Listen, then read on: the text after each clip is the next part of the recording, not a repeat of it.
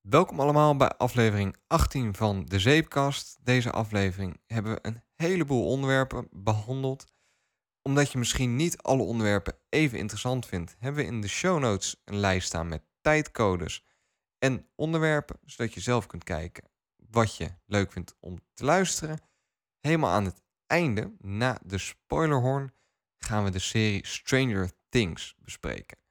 Het is een Netflix original serie. Als je hem gekeken hebt, vind je het misschien leuk om dat ook te luisteren. Veel luisterplezier.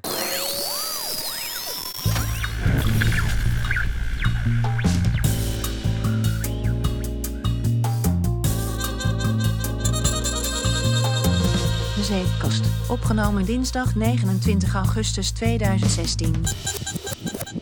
Welkom allemaal bij de Zeepkast, aflevering 18. Jouw bron voor al je science, technology en popculture nieuws. En eh, dit keer tegenover mij zit, eh, zit David. En tegenover mij zit Sander. We hebben even een, eh, een wat andere setup gekozen. Ja, creatief van ons weer. Wat, wat, wat vind je ervan? Ik vind het wel ik vind het professioneler zo. We zaten altijd eerst op de bank naast elkaar. Ja, tv te kijken en de supergezellig. podcast eh, ja, we zaten gewoon YouTube-filmpjes te kijken Ja. tijdens het lullen. Eigenlijk. is Wel een briljant hoor. concept eigenlijk. Misschien moeten we een YouTube-kanaal openen. Dat we gewoon op de bank zitten. Dat we dan gewoon met elkaar lullen. En dat we eigenlijk ook gewoon ondertussen tv aan het kijken zijn. Of een soort quiz. Dat We noemen de YouTube-kanaal op de bank met de zeepkast. bank zitten met de zeepkast. Bank zitten. BZ'en met de ZP. Oh, wauw. ZC. Oké. Zoiets. Nee, dit gaat nergens naartoe. Gebeurt vaker. Nee, maar ik vind het wel een fijne setup zo, David. Kan ik jou diep in de ogen kijken. Onder de tafel even schoppen als je weer iets eh debiels zegt of zo. Dus Daar ben ik, eh, ben ik heel content mee. Ik ga nu al medelijden krijgen met mijn schenen. Ik zeg wel vaker dingen die Dat was, kloppen. dat was schop 1. Ja, Ja, precies. geen medelijden, nee. Maar eh, hoe was je afgelopen drie weken? Drie weken alweer. Zo ja, joh, dat... Komt dat, Sander? Ja, die dingen het- gebeuren, hè? Heeft het iets te maken met studiedruk of zo? Nee, ik weet niet wat je bedoelt. Nee? ik ben afgestudeerd! Yay! Zo gelijk de hele mic clip helemaal los. Ja, nou, dat mag. Gefeliciteerd, Sander. Thanks. Het heeft Super eh, awesome. flink wat voeten in de aarde gehad. Nee, maar, dat is eh, niet belangrijk. het is eindelijk zover. Ik ben eh, Je hebt je papiertje. Wat ben je nu? professioneel baardgroei man. Ik laat mijn baard groeien. Nee, is dat ik, een, ik, is ik dat een ben nu, HBO-studie? ja, ik ben nu, ik, ik geloof het heeft ook een Engels term, iets van, nou ga ik me niet eens aan wagen, want het is echt straks weer verkeerd. Ik heb de studie bedrijfscommunicatie gedaan. Houdt Oké. in dat je eigenlijk eh, van alles van communicatie een beetje weet, want het is heel breed. Ja. Dus dat is mijn opleiding in een nutshell. Betekent dat nu ook dat we beter gaan communiceren met de zeepkast? Nee, dat is dus wel het grappige, want ik heb die opleiding gedaan, Ja. maar ik ben niet per se heel goed in communiceren. We merken het. Ja, dus eh, dingen als plannen en zo, ja, dat is gewoon niet mijn ding helemaal. Dus, Dingen eh, als, eh, als eh, social media bijhouden en op mailtjes Hè? reageren en zo. Maar dat zou jij, dat, jij toch doen? Ja, ik ben al druk bezig met de podcast editen. Oh, Hoor je het vandaar. al? De schuld afschuiven. Vandaar, nee, maar jij dacht dat ik het zou doen en ik dacht dat jij het... Ja. Daarom gebeurde het niet, denk ik. Nee hoor, nee hoor, grapje. grapje. Nee. Nee, maar echt super awesome. Ja, ik ben er wel heel blij mee, hoor. Ja. Want het werd wel een beetje een blok aan mijn been, zeg maar. Eh, als je, eh, nou, jij, jij kent dat natuurlijk heel Ja, goed, maar als je dan Vorig jaar zat ik eigenlijk in hetzelfde op, schuitje. op een gegeven moment heel lang bezig bent en alleen nog moet afstuderen en dat doe je op de lange baan. Op een gegeven moment wil je gewoon door. Dat, Ja, dat is het Dus ik, eh, ik kan nu echt met het grote mensenleven beginnen. En Ja. echte responsibilities gaan nu op me je drukken wordt, en zo. Je wordt volwassen. Sander. Ja, dus ik, Ja. ik ga de next big step maken. ja. Meer tijd steken in de zeepkast. Ja, Allebei. Maar- hoe waren jouw afgelopen drie weken? Ehm, ja, ook druk. Gewoon met eh, ook oracles, allerlei dingen die we weer aan het klaarzetten voor het, voor het najaar. Dus er zit veel aan te komen. Vet. Ehm, ja, wat kan ik erover zeggen? Ja, volgens mij zit Sommige dingen zijn geheim, sommige dingen niet. Nou ja, wat misschien slim is, eh, dat zag ik vandaag voorbij komen, dat je mensen oproept om zich in te schrijven voor je, jullie mailinglist. Oh, wauw, wat een goede plus. ja, zeg. nee, maar als mensen het nou tof vinden, dan, ja. Ja. we kunnen het hier telkens gaan vertellen en zo, maar Ja. er zijn nu nog dingen geheim en zo. Vind je het leuk wat David doet met zijn muziek? Schrijf je even in voor hun mailinglist. Zetten we in de show notes. En dan eh, Hoef ik niet telkens dat gezeik aan te horen tijdens onze podcast. Want dan krijg je het gewoon in je mailbox. Ja, we hoeven het bij deze nooit meer over te hebben. Nee, Het gewoon... dus- eh, Dan deal. Ja, ja, tof. Nee, dat vind ik een goed idee. Ik zet, eh, ik zet een mailinglist in de show notes. toch? Super tof. Hoef je ook niet steeds te vragen van hoe waren jouw eh, afgelopen week? Nee. Nee, want jij doet niks anders dan dat. Ja, in principe, Ja. in principe wel. Nee, maar ik heb ook nog wel iets leuks gedaan de afgelopen, eh, nou, Ja. afgelopen weekend eigenlijk. En dat heb ik jou nog niet verteld. Expres niet, want ik denk dat is dan leuk als ik het dan nu vertel. Ik weet, ben je nog, completely in the dark. Ja. Zeg. weet je nog dat wij bij eh, Startup Fest waren? Ja, dat En- weet ik nog, ja. Daar was ik bij. Ja. En dat ik toen met Tim Koek aan het praten was. En dat hij zei dat hij een keer lang zou komen voor een kopje koffie. Weet je dat nog? Eh, dat heb je even gemist. Toen zat ik misschien op de wc, volgens mij. Nee hoor, nee, het was iets anders. Eh, wij waren toen bij de presentatie van Uber. Ja, En toen was eh, Travis, heet hij geloof ik, Kalat- of zo. ja, zoiets. Die vertelde ook dat Uber eens in de zoveel tijd iets tofs organiseert. Ehm, eh, had je het erover dat je bijvoorbeeld een, eh, die, die venture capitalist eh, actie en zo, dat je ja, die, die was niet eens zo heel spannend, maar ze hadden bijvoorbeeld een keer een actie dat je een, een, een, een Uber kon fixen en dan kwam er een Tesla voorrijden en dan kon je een proefrondje in een Tesla Ja. rijden gratis. En ze hebben een keer gedaan dat je ze kon, kon bestellen. En dan kwam er een ijskootruck voorrijden die gratis ijs kwam brengen. En Maar is het niet altijd zo dat eh, met hun acties dat er dan een kans is dat zoiets langskomt? Ja, Of, ja, dus ze hadden weer zo'n actie. Weet je wat de actie was? Nee, dat weet ik niet. Get to the chopper. Ja? Ja man. Werd je opgehaald met een helikopter? Uber Chopper heette het. En eh, ik, Goeie ik had er een mail van gekregen Ja. dat ze dat gingen doen. En eigenlijk het idee erachter was... eh, je kunt een Uber bestellen en dan word je met een helikopter word je naar Mysteryland gevlogen. Het festival Mysteryland. Oké. Eh, of als je niet naar Mysteryland gaat, dan kun je het ook doen. Dan kun je een citytrip over je eigen stad doen. Oké, top. Eh, en dat was best wel betaalbaar. Om naar Mysteryland te vlie- vliegen, dan was je ongeveer een kwartier, twintig minuten onderweg. Oké, dus het was geen winkans. Je kon het gewoon kopen als het ware. Gewoon nee, het- maar zo, zo is het altijd bij hun. Maar, nou, ko- kom ik zo. Kom ik zo. dat, dat is Ja. nu... Mysteryland kostte 175 euro. en dan zat je ongeveer een kwartier erin. De citytrip duurde ongeveer 8 minuten en die kostte 100 euro. En ik vond dat ja, heel, heel vet om te doen. Ik dacht, dan ga Mhm. ik een rondje over Rotterdam vliegen. Ik heb nog nooit in een helikopter gezeten. Dat lijkt mij super vet om een keer te doen. Ja, tuurlijk. Eh, dus ik zat die, want het was zaterdag en zondag vanaf 12 uur. En het gebeurde vanuit Rotterdam, Den Haag en 020. Jij bent echt een hater, Sander. nee hoor, ik, eh, Ja. ik vind het ook gewoon lekker om het af en toe te zeggen. Amsterdam, we ik kan het best We zeggen. hebben ook hele lieve Amsterdamse luisteraars, weet Nee. ik zeker. Daarom. Ik vind het gewoon leuk Kijk om het af en toe even lekker eh, een beetje vuur, eh, vuur erom te brengen. Ja. Maar goed, dus ik zat zaterdagochtend klaar. Vanaf 12 uur zou het, zou het dan live gaan.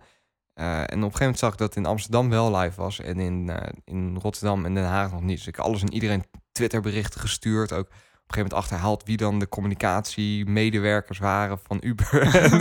en op Twitter ook gaan lastigvallen. En op een gegeven moment zeiden van ja, we gaan, eh, we gaan nu live.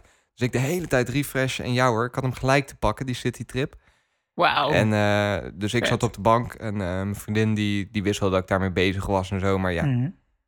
die had dat nooit verwacht dat het zo snel zou gaan. Dus ze zei van, schat, ze zijn er over elf minuten. Ben je klaar? Tas en pakken, go. Wat? Ah, dus helemaal paniek, omkleden. Eh, ja. En dan komt er zo'n Uber komt voorrijden. eh, en dat zijn die, die wat luxere Ubers. Dus een Mhm. mooiere auto. En dan ga je lekker achterin zitten. Er staan een flesje water, kauwgompies. En eh, een beetje lopen lullen met die, eh, die chauffeur ook. En die brengt je dan naar Ipenburg. Mhm. Vanaf daar Ja, vertrekken ze. ja.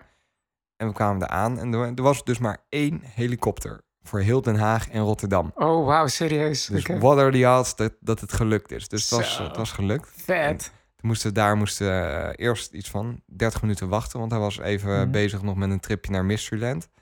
Toen kwam hij terug.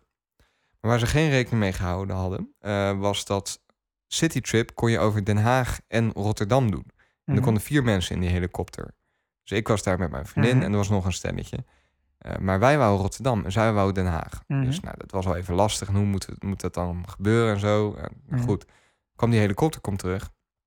En die zegt tegen de organisatoren Ja, eh, Kan van het ook gewoon allebei doen. Die, nee, ja, die, die Ja. zegt, dat is allemaal leuk en aardig. Maar ik moet tanken. Oké. En dat moest gebeuren bij. Mysteryland. Dus Oh, toen oh, kwamen ze handig. even met ons kletsen. Nou, draaide er uiteindelijk op uit dat we in plaats van zeven minuten... dat we het voorstel kregen van, nou ja, hij moet even tanken. Eh, jullie mogen meevliegen helemaal naar Mysteryland en weer terug. Dus we hebben een half uur in een helikopter Super gezeten. vet, leuk man. Eh, Ja, linkerkant zag je Rotterdam, rechterkant zag je Den Haag. En eh, nee, het was echt heel vet. vet. Ik, heb er, Ja. eh, ik heb er nog wel wat fotootjes van en zo. Die zal ik nog, zal ik ja, je laten ja, zien. En, eh, ik kan nog wel een foto in de, in de show notes knallen ook. Dus misschien ook nog wel Ja, leuk. leuk. Leuk idee. Ja, doen we. Dus dat was echt heel vet. En ik moet ook wel heel erg denken aan, aan dat verhaal van die Travis. Dus, of Ja, Travis, ja. of ja, volgens mij heet hij hij, Travis. hij Travis. ja. Ja. Gewoon dat hij wel ja, woord houdt. Dat hij inderdaad daar heel erg mee bezig is. En, Ja. Ja, om het gewoon een soort van ook een experience te maken als het Ja. ware. Om het, eh, ja, dus Ja. Ik, eh, nee, ik heb echt genoten. Het was echt heel vet. ja, leuk man. Ik ben, ja, ik heb nooit in een helikopter mee mogen vliegen. Nee, ja, ik ben dus ook niet. wel echt een aviation eh, geek geweest. Maar, Mhm. maar eh, Dus nou, ja, het was, was echt heel cool. En eh beetje, beetje onwerkelijk ook. Ik heb normaal heel erg hoogtevrees, maar op de een of andere manier heb ik dat in een vliegtuig niet. En een helikopter ook niet. Op het moment dat ik los ben van de grond, maar in welke situatie heb je dan wel hoogtevrees? eh reuzenrad, flats, eh, alles waarbij Als er nog maar iets met een link met de grond zit, vind ik eng.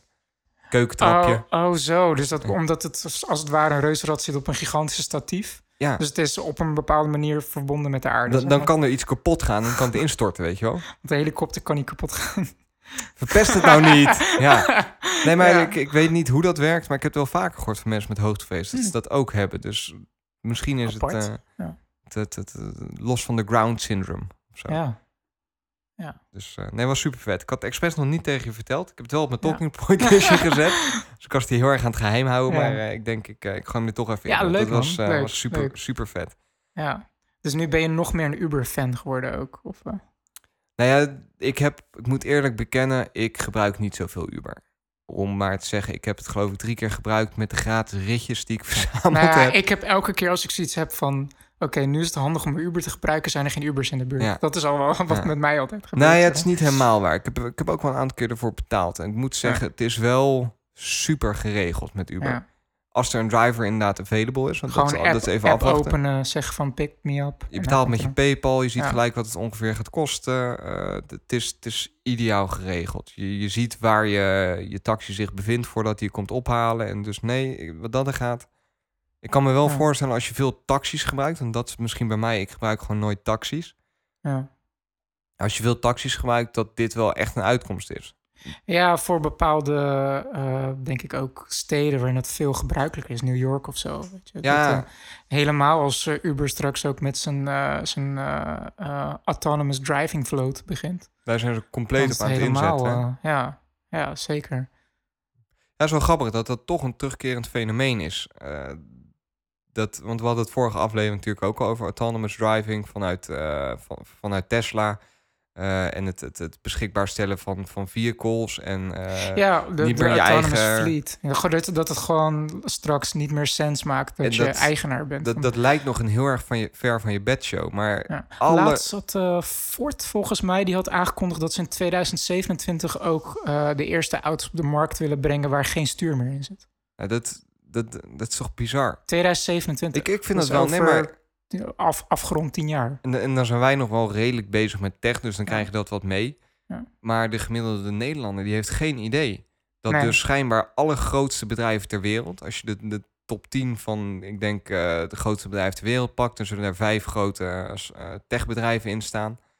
dat die allemaal hiermee bezig zijn. En dat dit dus wel echt meer is dan een vaag idee in de lucht. Maar Ja. dit is gewoon waar we naartoe gaan, punt. Ja. En dat, is niet, dat gaat niet nog 50 jaar duren.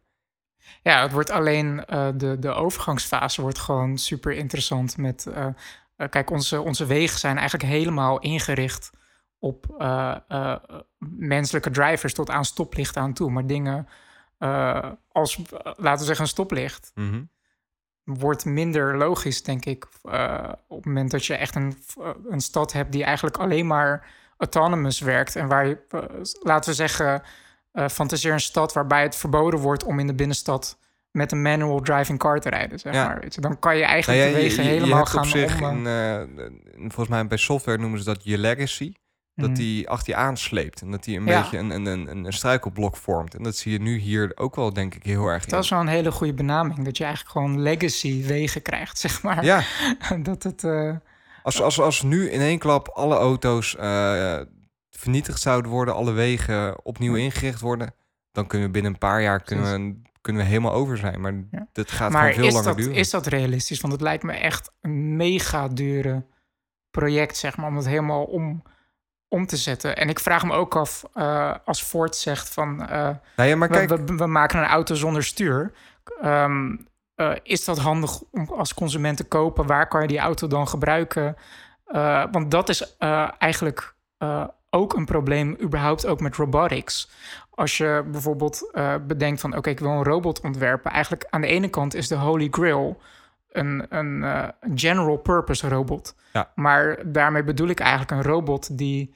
die get shit done. robot. ja, maar die de omgeving begrijpt, die eigenlijk ontworpen is voor, eh, voor het menselijk lichaam en hoe mensen werken. Dus laten we een, een heel stom voorbeeld nemen: een deur. Die heeft een deurhendel, omdat wij zeg maar twee handen hebben waarmee we eh, ergens aan vastpakken en de deur open, open trekken. En dan, eh, als je dan een general purpose robot hebt, dan moet je zo'n robot ontwerpen Ja. die datzelfde concept bedenkt van met een robotarm de deurhendel pakken en open doen. En dan zou je eigenlijk een robot willen ontwerpen die eigenlijk alle taken kan doen. En dus bijvoorbeeld ook op een stoel kan zitten en een stuur kan bedienen. Ja, is, is wel en eruit grappig, kan want stappen. Maar eigenlijk is dat niet logisch. niet logisch. Hey, wat, wat, je- wat wel grappig is, dan word je eigenlijk als mensheid je eigen legacy. Ja, Omdat je alles, omdat je alles Ja. hebt ontworpen om maar zo efficiënt mogelijk voor mensen te zijn. De hele het- omgeving is Ja. ingericht naar ons. Ja. Eigenlijk. Maar eh, ja, als je, dan een, als je dan een auto maakt die... eh, Oké, van binnen eh, kan je dan redesignen zonder stuur. Maar uiteindelijk moet de brain, de, de, de auto-brain... die moet zich bewe- bewegen in een wereld die eigenlijk ontworpen is... voor menselijke bestuurders. Ja. Weet je? En dat, dat is... Dat Ik- wordt interessant, die overgangsfase. Van moeten we dan general purpose auto's gaan maken die, die, die constant eigenlijk moeten nadenken als een menselijke bestuurder zijn omgeving ziet. Uh, want dat zie je eigenlijk nu al met, met auto's met camera's die dan verkeersborden moeten gaan lezen. Weet je, met, met een camera. Maar ja, als er dan slecht weer is, dan kan die dat weer slecht lezen. Terwijl het veel logischer is om bijvoorbeeld een soort database te hebben met. Uh, uh, misschien is het niet een heel goed voorbeeld, maar dat je, dat je de auto niet moet laten afhangen van verkeersborden die ontworpen zijn voor onze ogen. Nee, ja, maar ik- dat de ik- ik auto wat digitale data binnenkrijgt. Het, om- het is eigenlijk belachelijk dat je een auto gaat maken waar een, eh, een camera in zit die een bord kan scannen om dan vervolgens dat om te zetten in ja, ja, informatie. Terwijl die informatie zou ook gewoon naar die auto gestuurd kunnen worden. door ID-tags in, de, in het wegdek, Wat- noem maar op. Maar Maar wat je eigenlijk nodig zou moeten hebben is, eh, je hebt in China heb je heel veel van die echt leegstaande steden, van die spooksteden. Eigenlijk zou een van die steden zou gewoon beschikbaar gesteld moeten worden voor alle grote, of grote of kleine bedrijven die zeggen wij willen iets gaan doen met, eh, met rondrijden, eh, autonoom. ja. En hier jongens is jullie speelveld, ga hier lekker je ding doen. En dat soort plekken zijn er op zich wel. Uh, Apple huurt toevallig ook zo'n soort complex. uh, ergens in California, die eigenlijk helemaal ingericht is voor bedrijven die met autonomous, autonomous auto's bezig Mhm. is. Dus dat is sowieso ook wel het, een sterke het, het wordt pas uh, interessant als je meerdere merken door elkaar hebt op één plek. ja, Omdat ieder merk heeft zijn eigen benadering eh, en zijn eigen denkwijze daarover. En die moeten uiteindelijk toch met elkaar op de weg gaan. ja, ja, ja, maar dan is de, eigenlijk uh, de vraag van, van uh, uh, gaan we general purpose auto's krijgen die, die onze huidige omgeving infrastructuur gaan leren en gebruiken? Of gaan we onze volledige infrastructuur zoals we die nu hebben omgooien? Ja.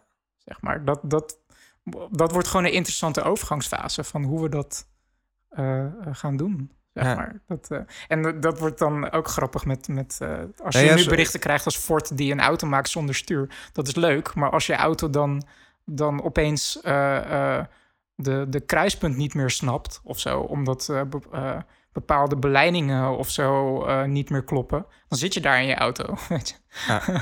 Ja, oké, maar dat is... Ja, Dan moet je een Hmm. smartphone-app erbij pakken om. uh, ja, ja, ja, ja, ja. ja. Het is een, het, het is een solvable pro- problem, weet je. En Ja. eh, het- tien jaar is aan de ene kant ook weer lang. Dus, eh, Maar het is grappig om te zien dat bedrijven nu al met dat soort beloftes Nou ja, komen. wat, wat ik, want dit staat helemaal niet op ons talking Nee, point listje, maar ik, ik moest er gewoon aan denken dat ik het wel grappig vind dat ik bepaalde thema's telkens zie terugkeren, ook bij ons in de podcast. Ja, oh, absoluut. Eh, We en en ons, een, eh, een, een daarvan, dus die self-driving cars. En toen ging ik bij mezelf te raden van, ja, het, het klinkt allemaal heel futuristisch. Hm. Snap wat ik bedoel? Maar Ja, het, is, ja. het, het is, het staat zo om de hoek en alle bedrijven met een beetje geld zijn ermee bezig. Ja. Dus het is helemaal geen enorme toekomstmuziek. Iedereen zou hiervan op de hoogte moeten zijn en zou het gewoon ook vanzelfsprekend moeten vinden van, ja, natuurlijk gaan we daar naartoe. ja, Of moeten, moeten is een groot woord, maar dat, dat, dat zet me aan het denken. Vandaar dat ik, eh, dat ik even een balletje opgooide. Dus eh, ja, zeker. Zeker. Ehm, ja, dit was heel spontaan. maar- Nou ja, nou, op, op zich kan u gelijk een mooi bruggetje maken. Want we hebben het nu dus over dat dat zo snel kan gaan. En Mhm. eh, over tien jaar en zo.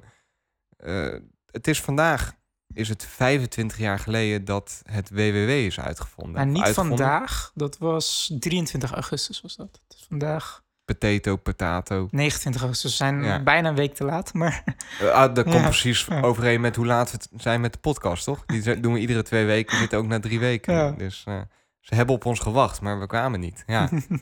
nee, maar precies 25 jaar geleden dat HTTP Hypertext Transfer Protocol. webpage, eh, de eerste webpage werd gepubliceerd. Nou, Ja, 25 jaar. Ja, wij, hebben het, stilstaan.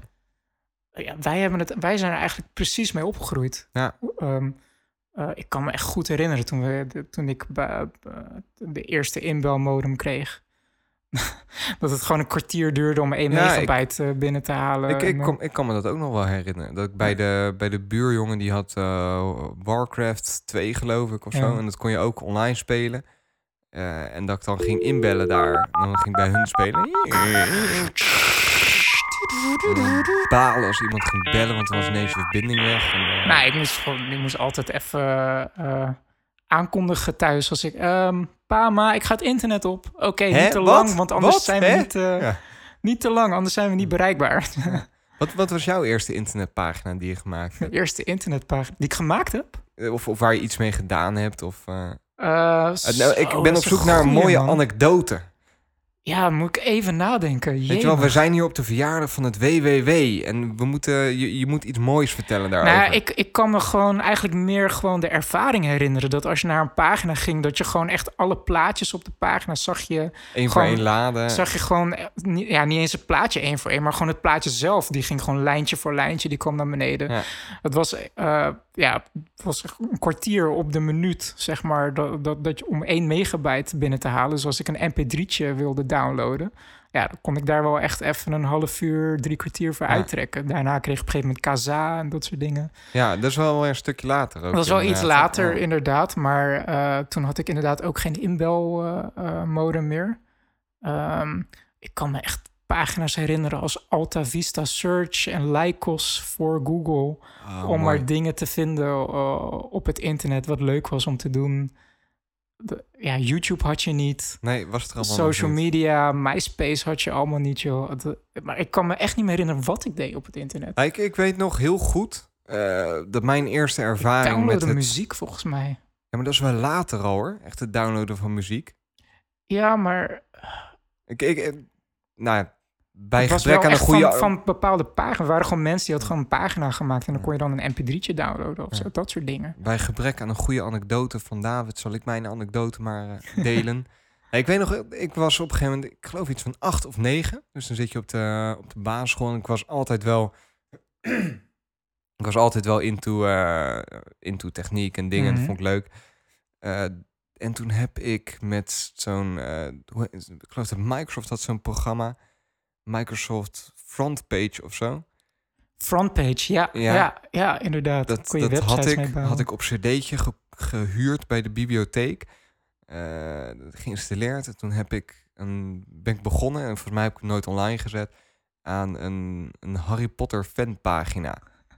Maar dat heb je niet afgemaakt. Nee, ja, ik ben ermee begonnen met dan, dan linkjes aanmaken en verwijzingjes. Ja, en dat, ja, dat is wel mooi. Om, toen moest je nog echt wel een Ja. beetje met, met HTTP werken. En dan zag je wat die code deed. En, of eh, met Ja, HTML, bedoel ik. ja, markup language. Eh, en, Ja. en frontpage deed een hele hoop voor je. Maar het is wel goed voor je inzicht. En dat je... Dat je inderdaad- en, Daar heb ik ook veel mee gedaan hoor, met frames maken. en, en toen iets later kreeg je, kreeg je wat, wat meer die fenomenen als, als eh, en, en kan er chronologisch helemaal naast zitten hoor. Maar ik, ik moet nu denken aan, aan dingen als van die website waar je dan naartoe ging. Dat er iets aan je muis hing, zeg maar. Ja, oh ja. En, en, en er speelde zo'n ja. heel slecht pianomuziekje op de achtergrond van eh, Changes of zo, of weet ik veel wat allemaal. Je En- kon inderdaad van die websites maken dat, eh, dat als je je muis bewoog, dat er dan zo'n echo op zat en allemaal kleurtjes. en en, dat, eh, dat was echt gewoon ja. de, de, de testdagen van het web, zeg maar. Van wat kunnen we? En het was wel heel leuk ook nog toen. Tegenwoordig zien heel veel websites zien er hetzelfde uit. En er zit niet meer zoveel gekkigheid op het web. En dat vind ik af en toe wel jammer. Ja, je had, vroeger had je gewoon allemaal van die websites met eh, eh, bijvoorbeeld tekst wat dan de hele tijd heen en weer ging. Want dat was dat gewoon, soort dingen, dat was gewoon een HTML-tag, een soort banner, dat je een soort lichtkrans ja. kon je, eh, kon je langs, langs je scherm laten lopen. Toen zag je heel veel kleuren wat, wat de hele tijd heen en weer ging, waar je bijna een epi- ele- epileptische Ja, ik, aanval ik, kan hier en een hele. Ja, ik, Ja. Ik, ik word hier heel nostalgisch van ook. Maar nu we het er zo over hebben, is dat wel iets wat ik misschien ook wel een beetje mis in het web tegenwoordig. Dat ik het web wel heel statisch vind geworden.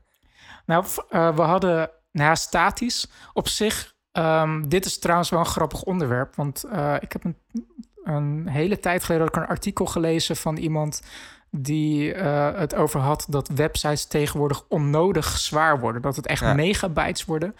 En eh, dat, terwijl dat niet nodig is. Bijvoorbeeld dat je een, een website hebt die voornamelijk gewoon artikels heeft, gewoon tekst. Mhm. Dat het helemaal volgegooid wordt met te high-def plaatjes en, en eh, eh, graphics en menus die helemaal gestyled zijn.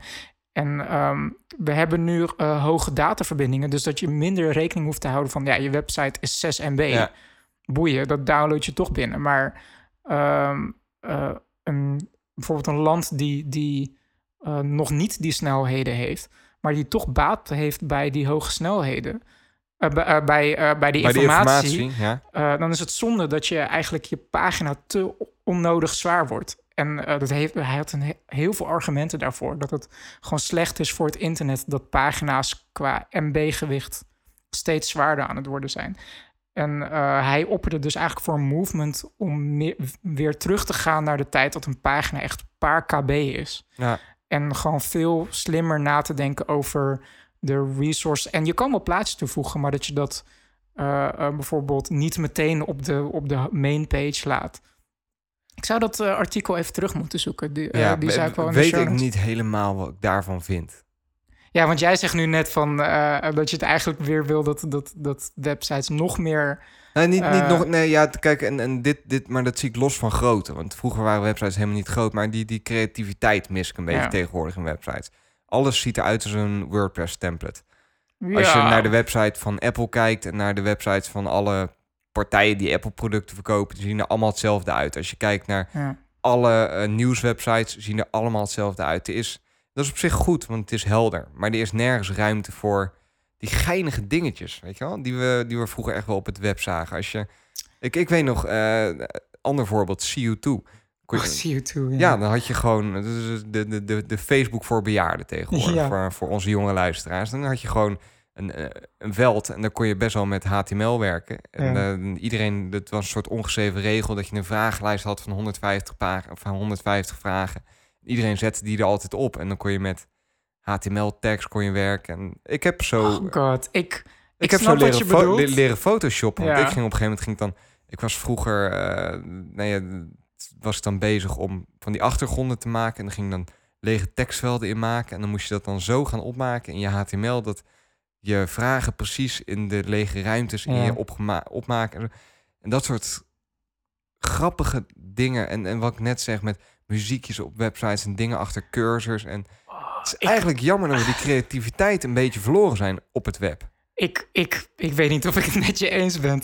Bijvoorbeeld, als ik ergens een hekel aan heb op een webpagina, is Mhm. autoplay van video en vooral geluid. Ik vind het al super awesome dat de laatste versie van Safari gewoon heel snel laat zien welke pagina. Nee, maar dan, dan ga je Eh. heel specifiek in op de voorbeelden die ik geef. Ik, ik, Mm. ik probeer een, een, een, een breder verhaal te schetsen. Dat ik wel, ja, misschien. dat ik wel zie dat het, het, het web heel erg één richting opgeduwd wordt qua content. Dat Mag heel ik- veel hetzelfde eruit Mag ziet. ik dan zeggen dat je misschien, misschien inderdaad dat ik je dan verkeerd interpreteer? Want, want wat, waar ik aan denk als ik jouw verhaal zo hoor, is die tijd van MySpace dat iedereen ook zijn hele MySpace zelf kon, kon eh stylen.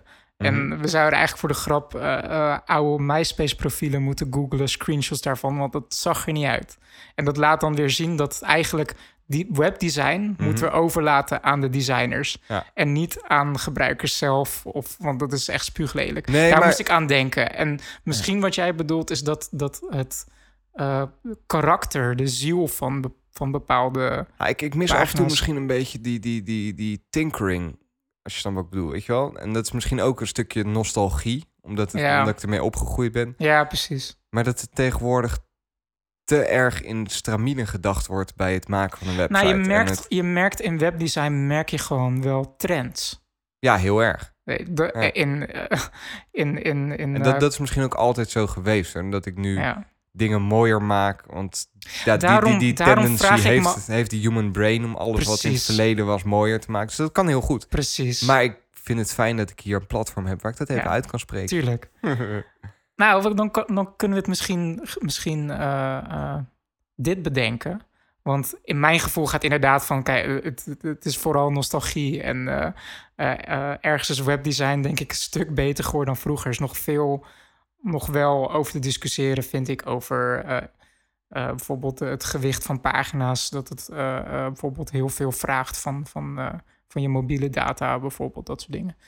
Uh, maar uh, we roepen nu al echt volgens mij meer dan een jaar dat we een zeepkast-website willen bouwen. Ja. Misschien moeten we daar gewoon mee experimenteren. Met, met, met muziek erop. En ja, met, met dingen en achter je met, cursor. Met en, allemaal hele vervelende Java-scriptjes en zo. En, uh, ja. en, en, dat, dat en, je van die pop-ups en, krijgt. van, en ja, zo, en van die lopende tekst die dan heen en weer gaat en zo. En uh, ik denk dat we dat moeten doen. Ja. En dan ga ik die site helemaal met tabellen maken. TLT, uh, wat ja, is het? Nice. TLTD. Too long didn't read. Is TLDR. Nee, nee, nee, maar van dat, dat zijn die tabellen HTML. Oh ja, klopt. Ja, de HTML-tags. Uh, ja. ja. Nee, ja, vet. Nee, maar laten we sowieso en even... iframes en zo. Volgens mij zeggen we dat ook al een aantal afleveringen. Ja. Maar we moeten echt even kijken naar een website. Nou, je bent nu afgestudeerd. Ja.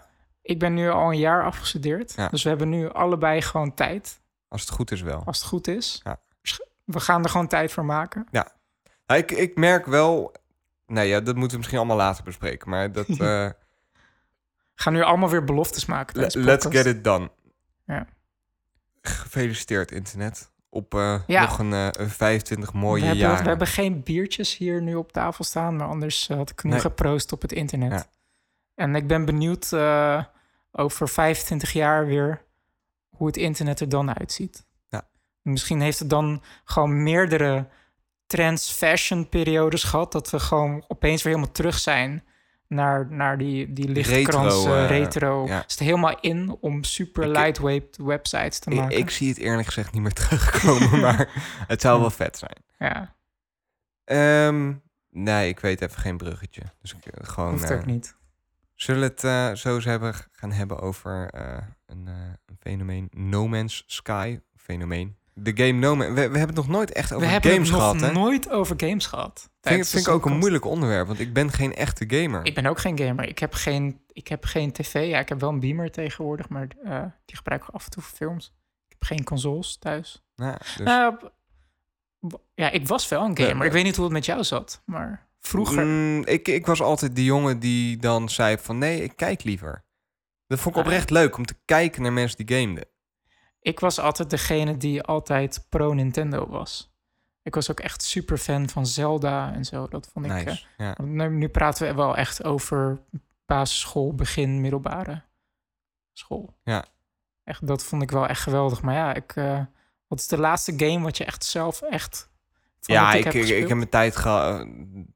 zeg twee, drie jaar geleden dat ik best wel regelmatig een beetje Call of Duty shooters speelde. Ja, ik heb echt nog nooit Call of Duty Maar gespeeld. ja, dat is wel eh, run and gun en, en gedachten op nul. En het- is geen mooie adventure game of zo, weet je wel. Ja. Dus er zit geen story mode in, want ik speelde altijd online. Maar Ja, ik vind het wel heel leuk om te kijken naar games. En dat, dat is misschien beter. eh, ik, ik vind het leuker, een, een game moet voor mij een verhaal zijn. mhm.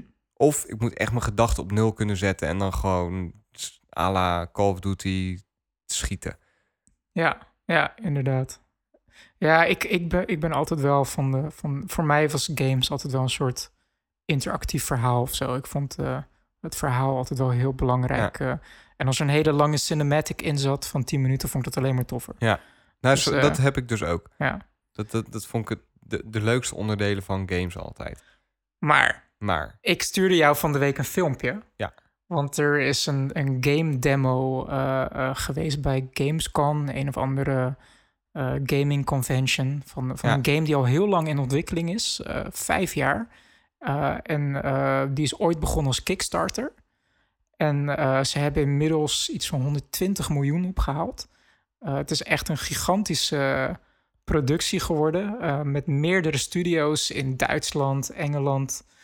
Ehm, ja, want game- we, we hebben het nu niet meer over No Man's Sky, hè, want dat zei ik net even. Maar dit, Ja. dit is een andere game. Dit is een andere En game. Deze het heet Star Citizen. Maar Het- ze hebben wel. wordt zo duidelijk. Ja. Ja, want ze hebben wel wat met elkaar gemeen. En aan de ene kant vind ik dit een leuk onderwerp om hier bij de zeepkast eh, eh, te, te behandelen, omdat het allebei een soort van space simulators zijn. Ja. En ik merk bij deze twee games ook weer dat dat dat eh, Space die- hip is. ja, dat Nee, space hip waar. is inderdaad. En ehm, ehm, No Man's Sky, dat is dan weer een, een andere game. Dat is niet die Kickstarter game. Nee, wi- wil ik het zo nog wel even over hebben ook, hoor, want ik Ja. vind dat wel zonde. Ja, oké. Ehm, dus we willen met Star Citizen eh, beginnen. Nou, misschien is het leuk om te beginnen met No Man's Sky, want dat was een beetje... Dan gaan we van negatief naar positief. Dat is misschien beter. oké. oké. Want eh, No Man's Sky, nou, als je het niet mee hebt gekregen, eh, de meeste luisteraars zullen het wel kennen, maar No Man's Sky is een spelletje, een game. Een spelletje. een spelletje. En de, de, de, de gedachte erachter, en hoe ze het ook hebben aangekondigd, nou, daar ging mijn hart wel sneller van slaan. Dat vond ik heel, heel vet. Eh, en de- eigenlijk wat zij deden was met algoritmes en met eh, ja, machine learning, et cetera. Ik weet niet of machine learning Nee, is, geen maar machine learning. Het hij heeft gewoon een soort gewoon algoritme. al- algoritmes of door computers Pro- een, een enorm heelal laten creëren. ja, procedural generated. Dus gewoon door een algoritme Ja. laten lopen... heeft gewoon een universe van 18 quintillion planets gemaakt. Dus eh, ja, een shit ton aan planeten eigenlijk. En eh superveel randomness. Dus Het idee erachter is dat op elke planeet waarin je landt... dat is een unieke planeet en zo is er geen Ja. andere. En er waren daar heel veel beloftes bij. Ehm, er zou multiplayer in zitten. Maar de kans dat je iemand anders tegen zou komen... zou zo astronomisch klein zijn dat dat niet zou gaan gebeuren. Omdat Dus die- eigenlijk speelde iedereen in, het univer- in hetzelfde universum. Maar omdat het universum zo gigantisch groot is, is de kans dat je elkaar tegenkomt super klein. Eigenlijk hetzelfde dat onze eigen universum zo gigantisch is, waardoor je kan zeggen van er moet wel ja, ergens alien life zijn, maar de kans dat we elkaar ooit meeten is heel klein. Dus dat, nou, er zitten een aantal facetten in die mij heel erg aanspraken. Ja. Dus inderdaad, dat, dat, dat, dat generaten van content niet door mensen, maar door, eh, door Mhm. computers, vind ik heel, heel vet bedacht. Eh, ik vind het heel vet dat iedereen echt zijn eigen beleving krijgt. Dat Ja. je nergens een walkthrough of iets kunt opzoeken. Nee, je koopt een spel en je weet niet wat je gaat verwachten. Want je weet niet bij welke planeten je komt. Je kunt ook niet zeggen, eh, er zijn geen type planeten. Dus je kunt niet zeggen van nou, ja, als, je, als, als dit type dieren daar tegenkomen, daar, daar kun je dit en dit mee. Nee, dat is allemaal computer generated. Dus er zijn zoveel mogelijkheden dat het... Je moet het zelf uitzoeken. Ja, Je hebt niks meer aan internet. Het is jouw spel. eh, doe ermee wat je wil. En dat vond ik heel vet. bijna een choose your own adventure. Nou ja, bijna. Eigenlijk wel Ja. helemaal. Ja. Je kon doen wat je wou. En niemand anders kon je ook vertellen wat je moest doen. Want iedereen's ervaring is uniek. Maar hij heeft, ehm, want ik zeg nu hij, het is No Man's Sky is ontwikkeld door best wel een klein team. Ik denk Ja. iets van 20 mensen. En het gezicht van die game is, gewor- eh, is een beetje Sean Murray geworden. Eh, een van de lead developers van No Man's Sky. Die is op best wel veel talkshows ook geweest. En ook bijvoorbeeld bij eh, de, De, Late heeft Show. een enorme marketingmachine achter gezeten. De, de, de maanden voordat hij uitkwam. De Nou, hype werd het- real. Nou, er was een gigantische hype. Maar dat Ja. kwam ook omdat Sean Murray heel veel beloftes heeft gemaakt over. inderdaad, van dat het echt een, een gigantisch universum is waar heel veel te beleven is. Ehm, Hij heeft eigenlijk zijn werk heel goed gedaan. ja, hij heeft het over physics gehad. Ja. Dat eh, elke planeet draait echt rond een ster. Eh, dus eh, dag- en nachtcycli zijn realistisch. De planeet zelf draait ook rond. En heeft, sommige planeten zijn ook getild. Waardoor je seizoenen krijgt. Eh, ehm, dus het klonk echt bijna Ja, en je Als een mond echte valt, universe. Ja, je, je mond valt steeds verder open en je wordt steeds meer een kleine kind. En je denkt, oh, die Op moet ik moment- hebben, wat vet. Vertel me meer, Ja, Sean. ja. Vertel me meer. Op een gegeven moment ging hij praten over dat er ook alien life is en verschillende rassen die eh, soms met elkaar een, een eh, oorlog hebben. En dan kan je een kant kiezen als je bijvoorbeeld naar een sterrenstelsel gaat en er is een oorlog gaan. Dan kan je, kan je zeggen, nou ik ga voor deze kant, ga ik meehelpen, ga ik vechten. Eh, en dan komt de klap op de vuurpijl. Er is wel een soort van einddoel. Je kan naar Je moet De- met z'n allen naar hetzelfde de, de center, planeet. de eh, center of the, the center of the galaxy. Daar is dan de ultieme eh, surprise Ja. is daar te, te verwachten. Dat was, nou, ik, ik heb het ook soort van meegekregen. En ik moet zeggen, ik dacht wel echt van, nou, voor deze game zou ik misschien een PlayStation 4 kopen. Ja, Want dit is dat- wel een jongensdroom. Gewoon dat je gewoon een, eh, eh, een, een, je bent een astronaut met een ruimteschip en je kan overal naartoe vliegen. Je begint op een planeet en je ziet in de lucht zie je een andere planeet hangen en daar kan je naartoe vliegen. Ja.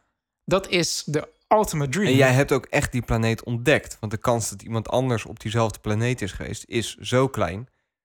Dus het is echt jouw... Ja, Nou, ik, ik, toen ik dat allemaal las en hoorde en die interviews keek, toen dacht ik van... I love you, Sean. Ja, Ja. ja. dat dachten wel meer mensen Ja. volgens mij. maar, en toen kwam de game uit. En die, die was sowieso, kwam die ook een paar maanden te laat uit. Ja. Maar goed, dat gebeurt wel vaker. Nou, volgens mij is het al heel vaak uitgesteld geweest. Niet een paar maanden, maar echt Ja, die game was ook echt al, ook al vijf jaar in ontwikkeling. Zoiets. Ehm, en dat is begonnen als een kleine indie game door 20 mensen. En die zijn uiteindelijk eh, eh, zijn ze door Sony opgekocht of zoiets. Waardoor ze dus ook de game voor PlayStation 4 gingen maken. Eh, maar goed, dat is even background story. Maar ehm, Ja, ja. kunnen we eigenlijk heel kort over zijn. Het viel tegen. we ja, hebben hem niet eens gespeeld. Maar nee, maar ik ga hem ook niet meer spelen ook. ik moet zeggen, de afgelopen dagen... ik was best wel gefascineerd over de reacties op het internet. Want het was zo... Ik, het was alsof het hele internet, tenminste de hele, de hele gaming-internet... zoiets had van, dit moest echt de game der games worden. Van de, de ultieme jongensdroom, choose your adventure... in een fictieve universum die niet te bedenken groot is. En toen kwam de game uit en iedereen had zoiets van... Why have you forsaken us? Is dit Ja. het? Ja. Is dit het? Dat vond ik zo fascinerend. Ik, ik, ja, mensen ik waren wel echt op de pik getrapt allemaal. Ik durf wel zeggen, te zeggen dat ik echt wel twintig artikels heb gelezen over reviews. Ik heb Reddit afgestruind. Ik heb uren aan YouTube-films gekeken van de reacties van mensen en reviews. Ik vond het echt fascinating gewoon. Ja, eh, dat, Ja. Nou, ik ben daar niet zo... Ik, Ik, weet niet, het pakte me gewoon. Ik, Want, ik, ik eh, las op een gegeven moment wel een verhaal dat, eh, en dat is wel tekenend voor hoe erg het geflopt is, dat Steam nu iedereen gaat uh, reimbursen als hij het aanvraagt eh, die het hebben ze dat heeft. aangekondigd? Wauw. Dat, dat is al zo, ja. Als Maar, jij, als jij ehm, aangeeft in, in Steam, en normaal moet dat binnen twee weken, maar ze hebben nu die periode verlengd. Ja. Als jij daarin aangeeft eh, dat je een vergoeding wil, met als reden van dit is niet, het, ja, het is niet wat mij verkocht is. Er is eigenlijk gelogen over, Ja. over de content. Maar wat ook waar is. ehm, waar is over gelogen dan? Eh, dingen als multiplayer.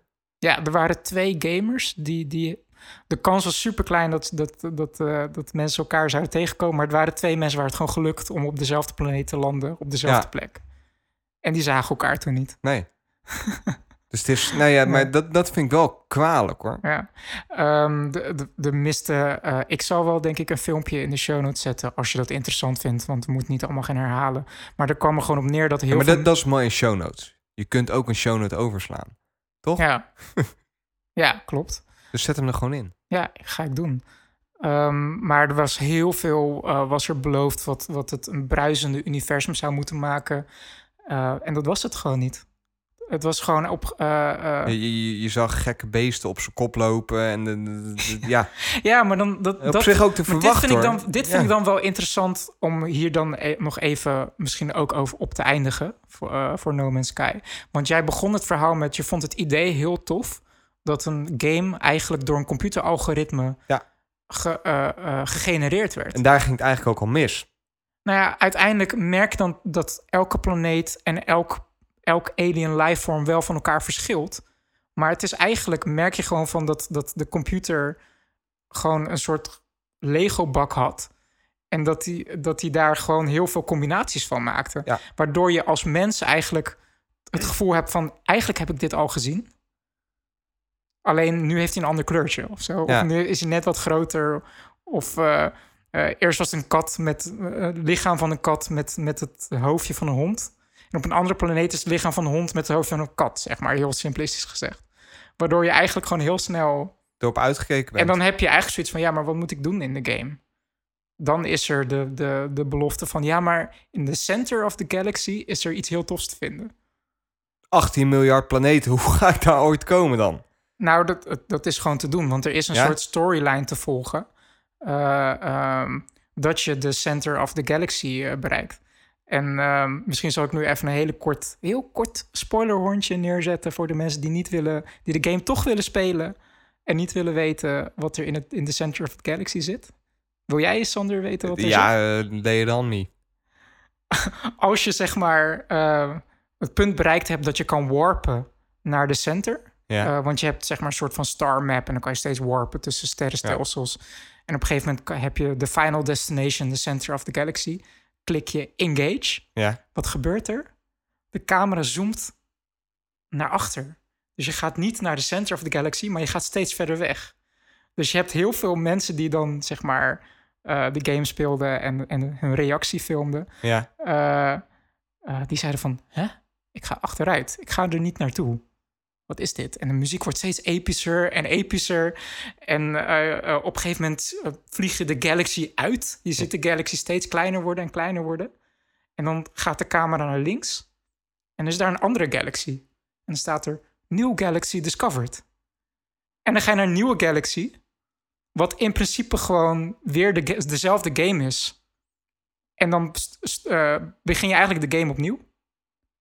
In een nieuwe, nieuwe galaxy. Maar het is geen nieuwe galaxy. Het is gewoon weer die procedurally generated galaxy. Wauw. Maar je begint gewoon op een andere planeet. En, en de galaxy heeft een andere naam. That's it. Over there, in the distance, is the center of the galaxy. That's where we're all trying to get to. Because we've said like there's something amazing when you get to the center, the center of the universe, and I, I love the idea of you know, it just just fading to black. Big, like, Just a well, big middle yeah. finger comes up on the screen. I think is what- Zo, ja. Nee, dan kan ik me wel... Ik, ik zou me wel... Ah, ik wil die films wel even zien, want ik zou me echt Nou, dan flik genaaid voelen. Ik zou, ik, ik, aan de ene kant snap ik ergens misschien wel wat ze, wat ze wilden zeggen. Want eigenlijk de hele filosofie van die game is van het universum is zo ontzettend groot. Eh, er zitten zoveel planeten in, dit kan je gewoon niet voorstellen. En dan is misschien denk ik de message van... ja, maar je hebt zoveel planeten, maar er zijn ook nog eens zoveel galaxies. Ja, Zeg maar noem dus het dan niet universum- iets als een endgame of zo. Nee. weet je wel, Of, of wekt die verwachting niet. Weet je, wat ik echt, is... weet je wat ik echt zielig vind? Misschien gaan we er nu te lang over door, maar... ehm, de, er zijn nu mensen die, die nu soort van de hoop hebben... dat er toch een soort van secret, secret endgame is. Er zijn nu mensen die zijn de game nu over en over aan het uitspelen. Er is iemand die de game al twintig keer heeft uitgespeeld... en elke keer wordt hij naar een nieuwe galaxy gestuurd. Oh, wauw. Een soort van, ja, maar misschien als ik als na, na, na weet ik veel, 25 Ja. un- eh, galaxies kom ik tot de center of the universe. En is daar wel de echte endgame. Oh, ik vind het zo sad. Ah, Ja, dat is wel echt heel kut. Maar, Maar het zou ook echt heel kut zijn als dat er wel in zit. Maar dat zit na 5000 galaxies of zo, weet je wel. Dat niemand het ooit bereikt. nou, er zijn mensen in de Steam community die hebben dus de, de soort van de code, die, die zijn aan de code gekomen. En die zijn erachter gekomen dat er eh, eh, eh, dat elke galaxy die heeft een bepaalde hexa eh hexcode. Ja. En na 255 eh, ja, galaxies bits. Re- res- reset die naar de eerste galaxy. Dus je kunt maar Dus het gaat 200 oneindig door. Wauw. Ja, dat is echt heel, heel kut. Ja.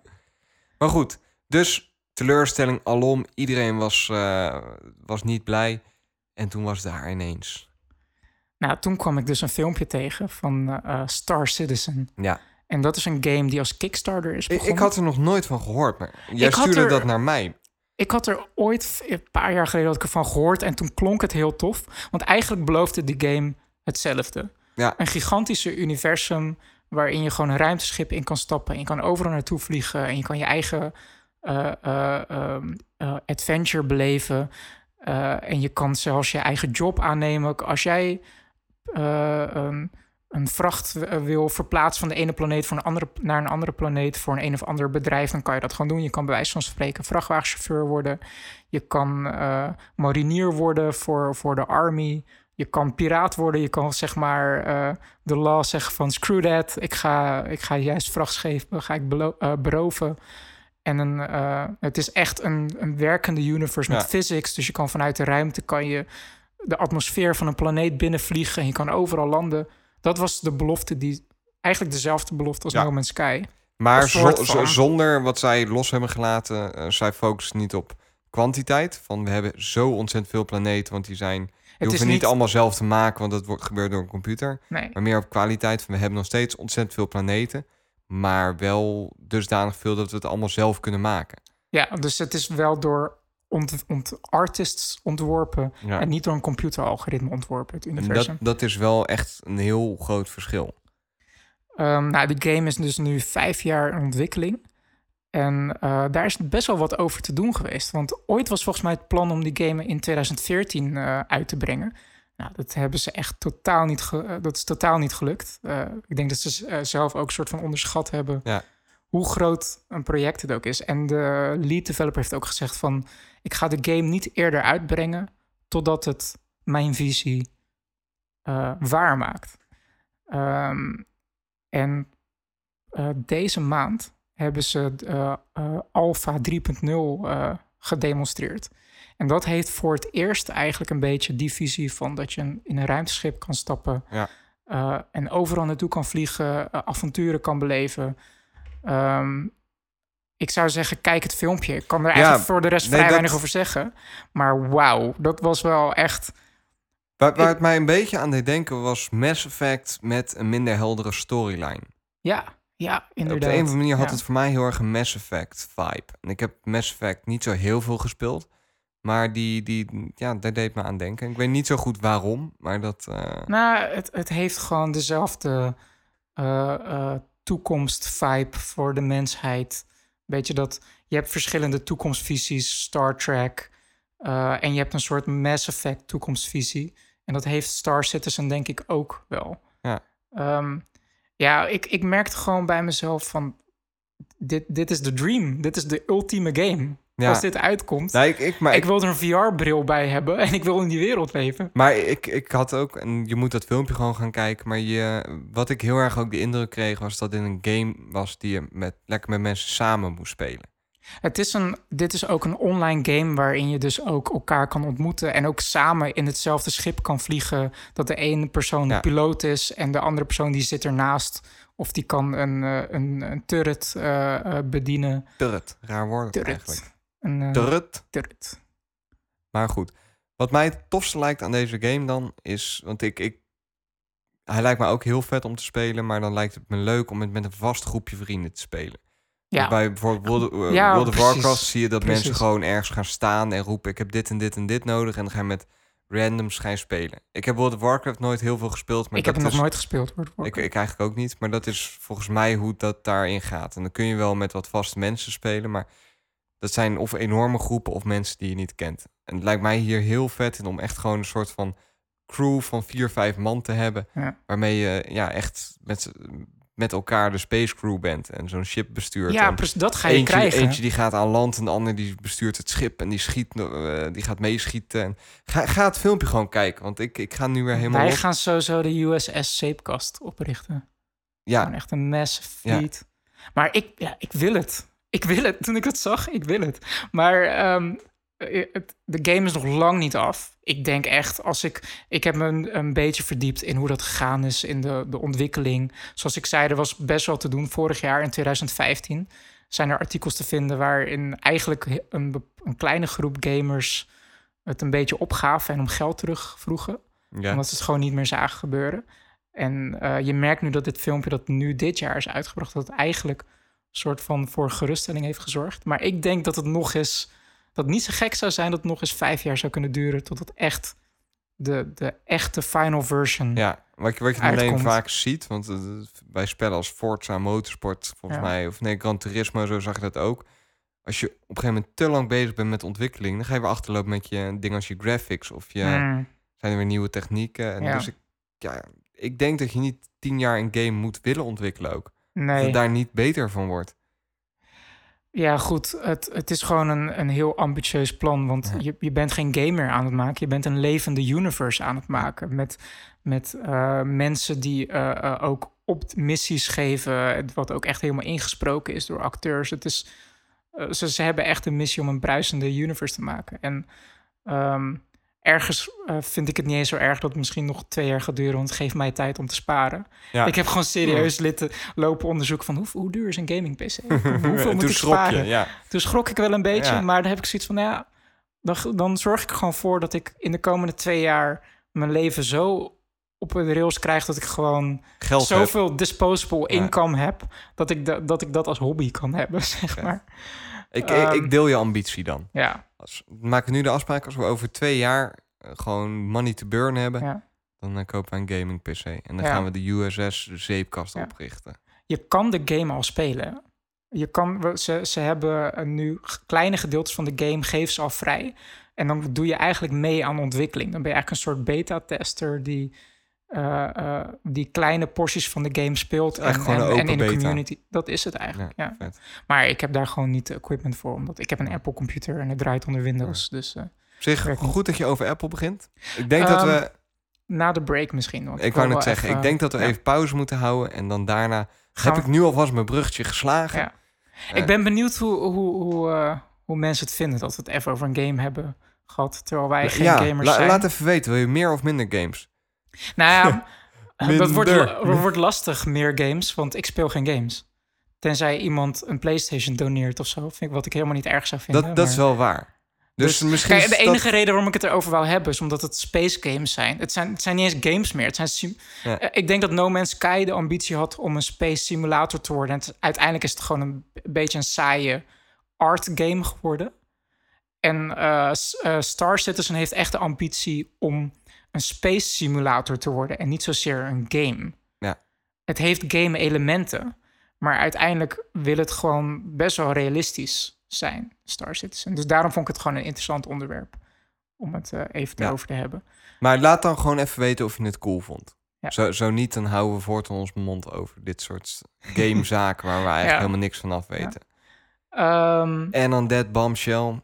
Apple. En eh, we gaan het over Stranger Things eh, hebben. Oh ja, dat is ook wel leuk Ja. om even aan te kondigen. Hadden we eigenlijk aan het begin moeten doen. Ja. Dus de helft van de mensen al Les afgehaakt. voor de volgende aflevering. Ja, die dat misschien wel leuk hadden gevonden. We gaan na de spoilerhorn gaan we even eh, Stranger Things even bespreken.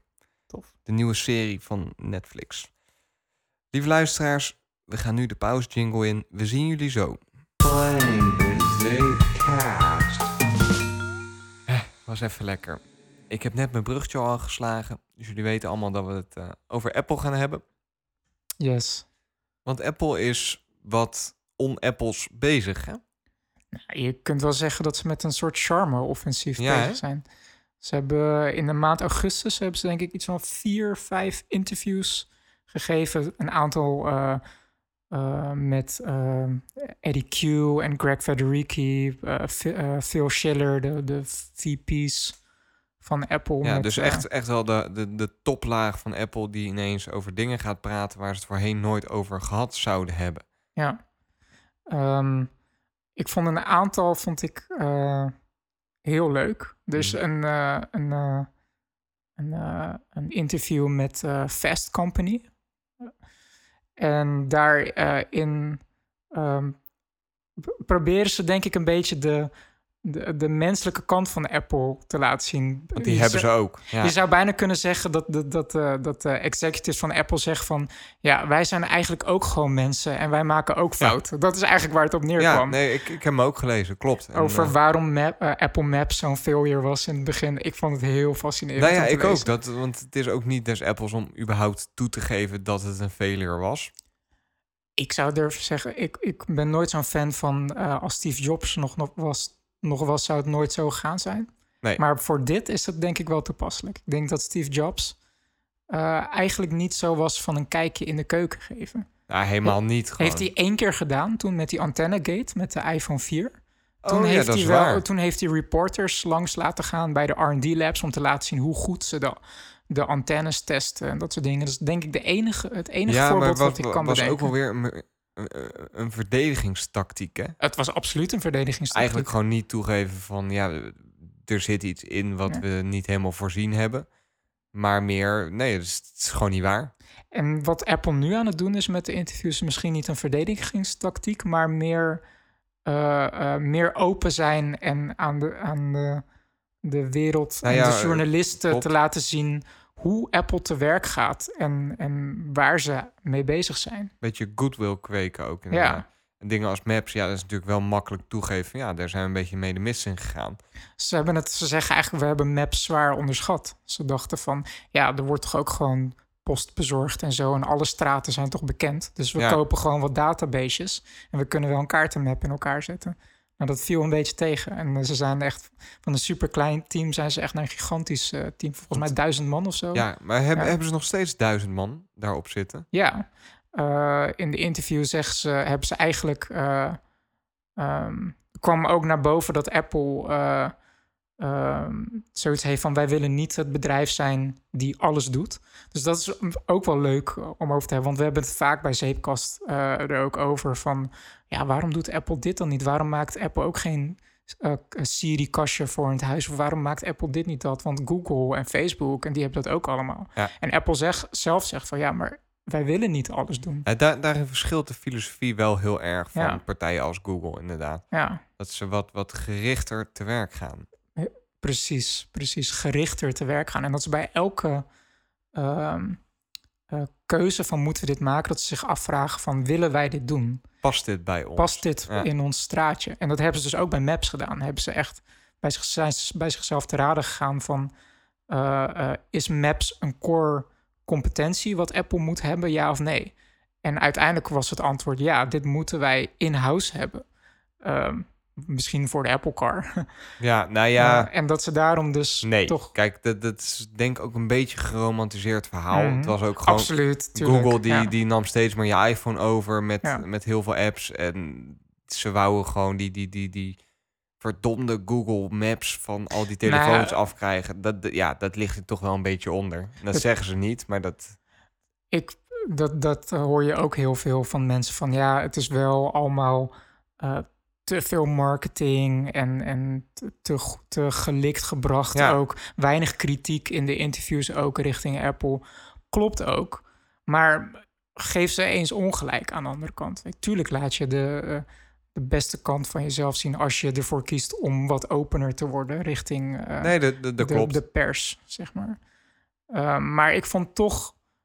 Uh, wat ik gewoon leuk vond om te lezen... is dat ze uh, uh, inderdaad gewoon een menselijke kant gaven. En dat het... Dat, dat, um, daar hadden, hebben we het ook vaker over... dat het uiteindelijk neerkomt op keuzes die mensen maken binnen Apple. Een klein, ja. klein team aan executives die keuzes maakt. Van uh, hoeveel man heeft een project als een Apple Maps nodig?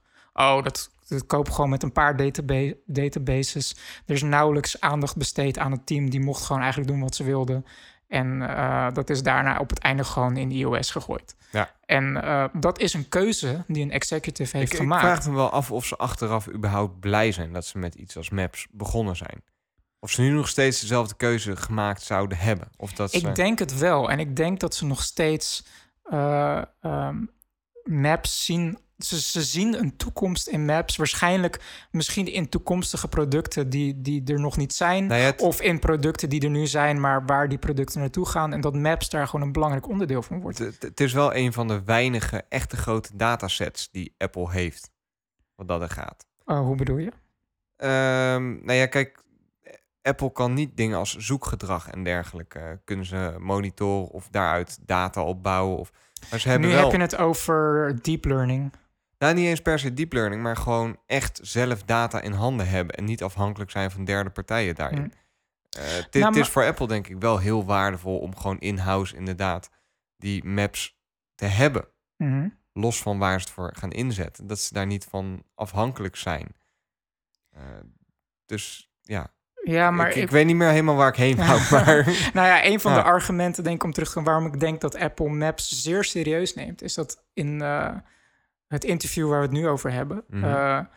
eh, heeft eh, Eddie Q, een van de, de executives van Apple, die heeft eigenlijk eh, gezegd dat Apple Maps de reden is waarom iOS nu een public beta heeft. Is, Sinds iOS 9.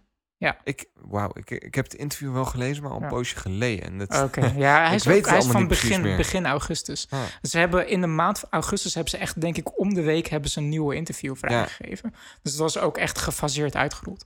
Maar eh, de, de, Ja, dus- de Apple Maps eh, en Apple's, eh, de titel is Eddie Q en Craig Federighi open up about learning from Apple's failures. Dus dat dat, dat is vrij heftige titel ook. ja, eh, ja, precies. Maar ehm, da- daarin gaf Eddie Q gewoon aan van, van Maps is belangrijk voor ons. We hebben het zwaar onderschat. We dachten gewoon, we kunnen gewoon wat databases eh, overkopen. Dat is niet gelukt. En eh, ehm, ze hebben het ook, omdat Apple zelf super gesloten is.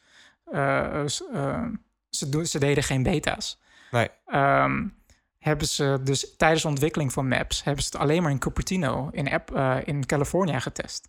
En daar werkte Apple Maps perfect. Ja. Klopte allemaal, de wegen klopten, de, de, de restaurants, adressen klopten allemaal. Nou, prima. Appeltje, eitje, gaan we releasen. En toen kwamen ze erachter dat, ja, maar als je navigatie in Australië gebruikt... dan eindig je echt ergens in the middle of nowhere in een woestijn. Maar dat had Apple niet getest. En dat was een van de dingen die ze geleerd hadden van... oké, maps kunnen we niet in een gesloten environment testen. En dat is een van de grootste redenen waarom We iOS... need the people.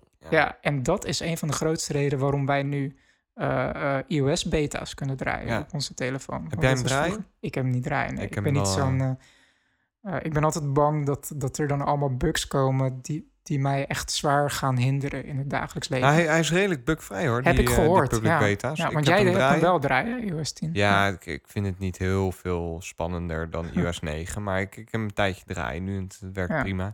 ik wacht gewoon heel braaf totdat die eh, officieel uitkomt. Maar ehm, dat vond ik gewoon heel tof aan het interview. Om, om toch inderdaad, dan zie je gewoon van het zijn keuzes van mensen. En eh, dan maakt het niet uit hoeveel miljarden je in de bank hebt. Als, als een persoon een keuze maakt, dan is dat goed of fout. In Ja, principe in dat De- soort dingen. ja, dat, dat is heel zwart-wit, maar ik, ik, snap Ja. wat je bedoelt. Dat het uiteindelijk neerkomt op één man die ooit in een kamer heeft gezegd ja of nee. Uiteindelijk wel. En of in een boardroom met tien mensen. En die gaan dan alle tien akkoord van we gaan het zo doen. Dus ja, dat. En, wat, eh, want wat waren nog meer failures dan die ze, die ze daarna aangaven? Want ik, ehm, nou, de- ik denk dat Apple Maps wel een van de grootste eh, debakels is die Apple echt heeft toegegeven, als het ware. Mhm. Voor de rest wordt er.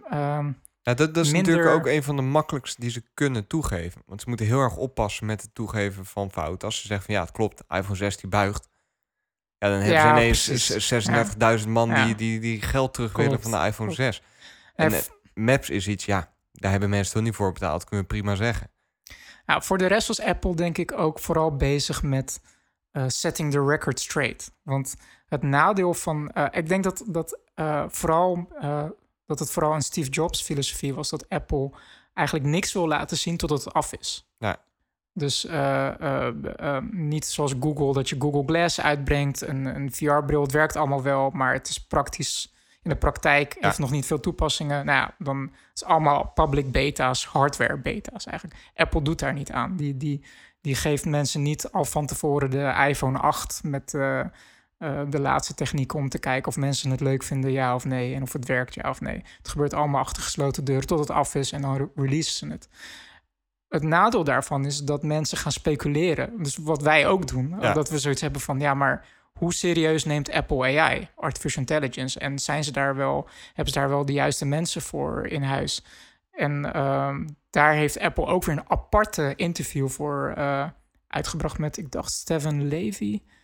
Ehm, het staat op de website Backchannel, die zet ik ook in de show notes. Hebben ze een journalist eh, met een aantal key developers en lead developers van Siri en AI en deep learning binnen Apple. Hebben ze een interview gegeven. En het hele doel van die interview was: Apple is wel degelijk met deep learning en AI bezig. Het zit in he- heel veel facetten, zit het in, in, eh, in Apple software al gebakken. Eh, het, het helpt met gezichtsherkenning, eh, met fotoherkenning, met eh, Dat- app suggestions. Dat, dat, dat is wel grappig, want dat doen ze natuurlijk al heel lang dingen als gezichtsherkenning. Maar het is nooit gelabeld als deep learning. En dat is wat, wat Apple nu probeert te verkopen eigenlijk. Van, nou, we zijn er eigenlijk al heel lang mee bezig, alleen mensen hebben het niet door. Ja. Ehm, Maar vind je het dan ook een soort van toegeven, wat ze nu doen? Toegeven Ehm, aan de, de, de, aan de, de- kritiek. ja, aan ons als kritische Ja, Ik snap wat je bedoelt.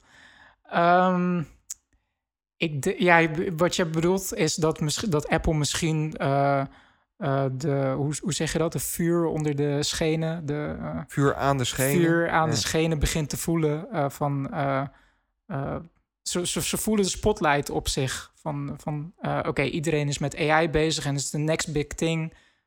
Wat gaan jullie doen? Gaan jullie bijken? eh, Ja, nee, het, is natuurlijk ook en een misschien beetje... denk ik ja, ik denk ja, dat is misschien wel toegeven, inderdaad. En, en een soort van damage control van eh, Nou, dat- eh, Apple kan Apple eh, is nog steeds one of the leading tech companies. En, daar world. ben ik dus een beetje... eh, Ja, dat, dat vind ik wel spannend aan het verhaal. Dat het wel soort van aangeeft dat Apple niet meer speciaal is. Of niet meer... Dat er nu dus waarschijnlijk... Tenminste, dat lees ik dan tussen de regels door. Maar dat er... Voor, voorheen had je altijd had je een, een, een, een Apple-kamp en een anti-Apple-kamp. En er werden Hmm. constant werden dezelfde dingen heen en weer gegooid. Maar dat schijnbaar nu het verhaal of de negatieve vibe rondom Apple dusdanige proporties heeft aangenomen. Dat Apple voor het eerst de noodzaak ziet om daar überhaupt op in te gaan. Om dat serieus te Ehm, nemen. Ja, misschien. Kijk, natuurlijk dat Apple is doomed sentiment, dat is echt al meer dan tien jaar gaande. Ja. En ehm, ja, Apple is niet doomed. Nee, nee, zeker niet. Nee, maar dat, Alleen, eh, eh, ik snap wat je bedoelt. Maar ik, aan de andere kant denk ik ook misschien dat, eh, dat, dit, dat we nu steeds meer Tim Cook's filosofie gaan zien. Want dat is ook weer een aparte eh, eh, interview. ik, Eh, ik ben wel fan van Tim trouwens. nou, Tim, die, die, ja, zeker. En Tim, eh, eh, deze maand of volgende maand eh, viert hij zijn vijfjaarjarige anniversary als CEO van Apple. En daarvoor heeft Dat, hij... dat was deze maand, want ik heb van de week geloof ik gelezen dat hij zijn eh bonus package heeft opgenomen. oh ja, dan was het deze maand, ja. Dat hij, eh, ik geloof, eh naar z- zoveel miljoen weer kon bijschrijven. En Tim Cook heeft een super lang, openhartig interview met de Washington, Washington Post eh, gehouden. Dat is echt heel interessant om te lezen. Daarin heeft hij het echt van alles over de eh, beginnen bij de kritiek van Apple van eh, ehm, is de iPhone een bubbel? Want de, de sales van de iPhone gaan omlaag en kan Apple forever teren op de iPhone? Kunnen ze nog wel innovaten na de iPhone? Ja, dus tot, tot aan privacy, tot aan dat Tim Cook eh, eh, eh, ja, is het verkeerde woord, maar dat hij publicly heeft announced dat hij homoseksueel is eh, als zo'n prominent figuur in de business en techwereld.